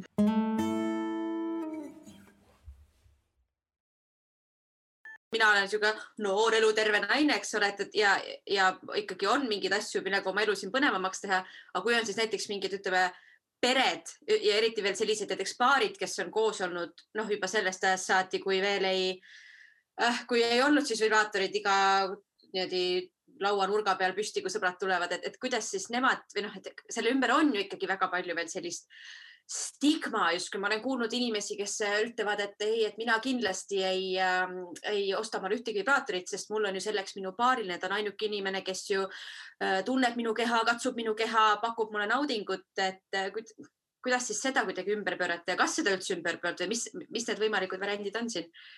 selle puhul on eriti see, et on nagu nii selline väike ja sõbralik mm. -hmm. et äh, ta võiks olla nagu selline kaaslane või nagu lisa sellist vürtsi mm -hmm. tuua. et äh, ta, ta ei pruugi, ta ei pea nagu asendama midagi mm, -hmm. ta ei ole mm -hmm. nagu konkurentsi sellise päris nagu inim, human contact'iga, et need on mm -hmm. nagu erinevad ähm, üks, üks meie klient võttis väga toredalt selle kokku Äh, ta ütles, et tema jaoks sealt eksisteerib kahte sorti seksi. et üks on see, mis tal on partneriga ja teine on see, mis on tal iseendaga mm. -hmm. ja et äh, need ei äh, kuidagi ei konkureeri, vaid need täiustavad üksteist kõik mehed me,, sõpr nagu meessoost sõbrad, kellele me oleme tutvustanud seda, ongi pigem nagu positiivselt üllatunud, oi, see väike Jülle või okei, okei, okei. ja siis, kui sa ütled nagu äh,, nagu meessoost sõbrale, et kuule, kas sa üldse tead seda nagu väikest nagu pisikest fakti, et üle nagu vähemalt äh, seitsekümmend protsenti naised vajavad kliitori stimulatsiooni selleks, et üldse orgasmini jõuda ma mäletan ka, kui ma, mis ma olin, äkki ma olin, siis ma võin mäletada, kas ma olin mingi seitseteist või kaheksateist, kui ma ostsin äh, salaja vanaema kingitud äh, jõulukingi raha eest endale vibraatori, mingi delfiini kujulise arvatavasti. ja no mul oli nii piinlik, ma peitsin seda kingakarpi nagu kodus, ma mõtlesin niimoodi, jesus christ, kui mu ema selle peaks avastama nagu oh my god, what is this sorcery? Et äh, selles mõttes tõesti ja, ja praegu ma lihtsalt mõtlen, et oh my god oleks omal ajal seal sekspoes öelnud, sa ei pea seda suurt delfiini koju vedama võta endale väike sõber ja nagu õpi ennast tundma. aga avasta, mitte ei ole mingi. ja see sau nagu, mida ma teen selle suure fööniga nagu, issand jumal, nagu päriselt see. see on hirmus, selles mõttes see on nagu see on natuke hirmus ja. üks meie see põhislõuganeid on aitab fake imisest, mis mm -hmm. nagu käib hästi palju ka nagu iseenda suhtes mm, -hmm. et aitab iseendale fake imisest, iseendale valetamisest, rääkimata siis partnerile valetamisest ja fake imisest ma seda mõtlesin, selle fake imise all ma ise mõtlesin seda ka, et me küll enne rääkisime, et, et selle, et vibraatori ees eesmärk ei ole asendada ühtegi partnerit, vaid ta nagu täiendaga, noh, me kuidagi tuli ka jutuks see, et, et kui on paarid, eriti kui sul on veel pikalt koos olnud, kui on selline esialgne kireperiood lahtud, sul ei ole alati samal hetkel oma partneriga samal ajal tuju, et tahaks füüsilist lähedust, intiimsust või üldse nagu seksuaalset suhet. ja mis veel enam, mõnikord sul on tuju, mõlemal justkui füüsiliselt on, aga sa noh, vaimselt ei ole sul seda punkti, kus sa mhm. tunned, et ma tegelikult ei viitsi temaga tegelikult nagu kontaktis olla. et selles mõttes mitte, et ütleks, peaks asendama, aga ta on hea viis, kuidas nagu nii-öelda äh, hundid äh,, hundid söönud lambad terved olukord ka, et ta tegelikult mm -hmm. on nagu selline noh, sõber, kes alati on valmis temaga ei pea rääkima, temaga ei, tal ei, ei pea kuidagi mõtlema, peaasi, et ta ei solvu, peaasi, et ta ei, et huvitav, mida ta mõtleb, kui ta mind näeb alasti. Ähm, kas talle, kas ega, ega ma ei maitse veidralt ta jaoks ega ei lõhna, kas ta, kas ma pean ütlema midagi. ma ei ole täna rasseeritud, täna siis ei saa. ja just et, et, et selles mõttes vibraator on, ta on niisugune nagu tal võib olla küll mingisugune, mulle tundub vähemalt sihuke asenduslik vibe hetkedel, kui me tunneme, et päris inimene on liiga palju, et lihtsalt, et kõik oma komplekssuses mm. -hmm väga-väga äge point. ka väga, hoopis teine perspektiiv praegu mm -hmm. jälle nagu juurde, et meie, meie nagu see üks eesmärk ongi, et selle naudingupaki nimi on esimene armastus ja miks üldsegi see bullet vibraator, siis me ju vaatasime igasuguseid vahvaid vidinaid ja meil on siin prototüüpe küll ja vähe või rohkem. et äh, me otsustasime sellise nagu äh, alu, alguskoha alustada siis bullet vibraatorist, mis ongi tegelikult just kliitori stimulaator, stimulatsiooniks mõeldud, sellepärast et see on ikkagi väga oluline nagu ma arvan, et ma ei tea, läbimurre või terve nagu ajaloo äh, vältel ka see, et äh, õpi ennast tundma, et äh, tegelikult sa üldsegi teada, kumb nii-öelda see naudingutüüp sinule nagu rohkem tegelikult sobib, kas see on klitoriaalne, kas see on mõlemad vaginaalne orgasm, mis on see, mis tegelikult sulle nagu kõige rohkem naudingut pakub? Mm -hmm. ja siis, kui sa tegelikult ise saad sellele nii-öelda jälile Mm -hmm. siis on äh, see seks partneriga ka oluliselt äh, nauditavam, sest vastasel korral seda on meile ikka nii palju tulnud ja kui loed neid ägedaid välismaal kirjutatud artikleid väga,, väga-väga ägedaid artikleid sellest, kuidas lihtsalt tõepoolest nagu Riina ennem ütles, naised arvavad, et nad on reaalselt katki, et nad ei saa orgasmi ja see protsent on nagu meeletu. me ei räägi siin mm -hmm. mõnest tuhandest naisest me oleme arutanud ühe ämmaemandaga, väga äge mhm. noor naine ja ta ütleb, et kes on nüüd ise taaskord äh, lapseootel ja siis ta ütleb ka, et see on kindlasti üks ja tema kiitis Bulleti valiku väga-väga heaks. Ja ütles, et see on ideaalne, kuidas oma seksuaalsust taasavastada, kui sul on kõik hell ja tundlik. Ja mhm. võib-olla ei olegi nagu vaginaalne vibraator see, millega peaksid nagu uuesti algust tegema, et selline pehmem intro uuesti endaga taas, enda taasleidmiseks kuidas teie endiga, kui te olite lapsed, kodus seksist räägiti? no mul, ma peitsin vibraatorit kimbakarpi, kuidas sulle tundub ei, sellistest asjadest meie kodus ei räägitud. ja, aga nüüd on äh, minu ema üks meie väga äge testgrupi liige selles suhtes, et äh, talle meeldib siukseid väikseid dinnereid teha, kus tal on Riina nimetab neid tupperware õhtuteks, aga siis äh, vibraatori õhtuteks ja siuksed äh, giftid viiskümmend pluss, kuuskümmend pluss naised äh, avastavad täiesti teistsugust maailma. meil oli selline äh, mõte, et kuna me palume, et meie jälgijad ehk siis Jestlaste jälgijad Instagrami mhm. saadaksid meile kõiki asju ka audio vormis, et äkki kui nad, et nende vahel, kes saadavad meile tagasisidet ja näiteks mhm. jälgivad teid Instagramis, et nende vahel siis saab äh, välja loosida äh, midagi siis äh, mõnusat, ma huviga ootan, mis see mõnus pangike võiks olla. karbike äkki oh.. ainult karbike, kas teie karbike oh, sinna saab igasugu asju sisse panna. tõmbas juba nagu peopesad märjaks, nii mõnsa.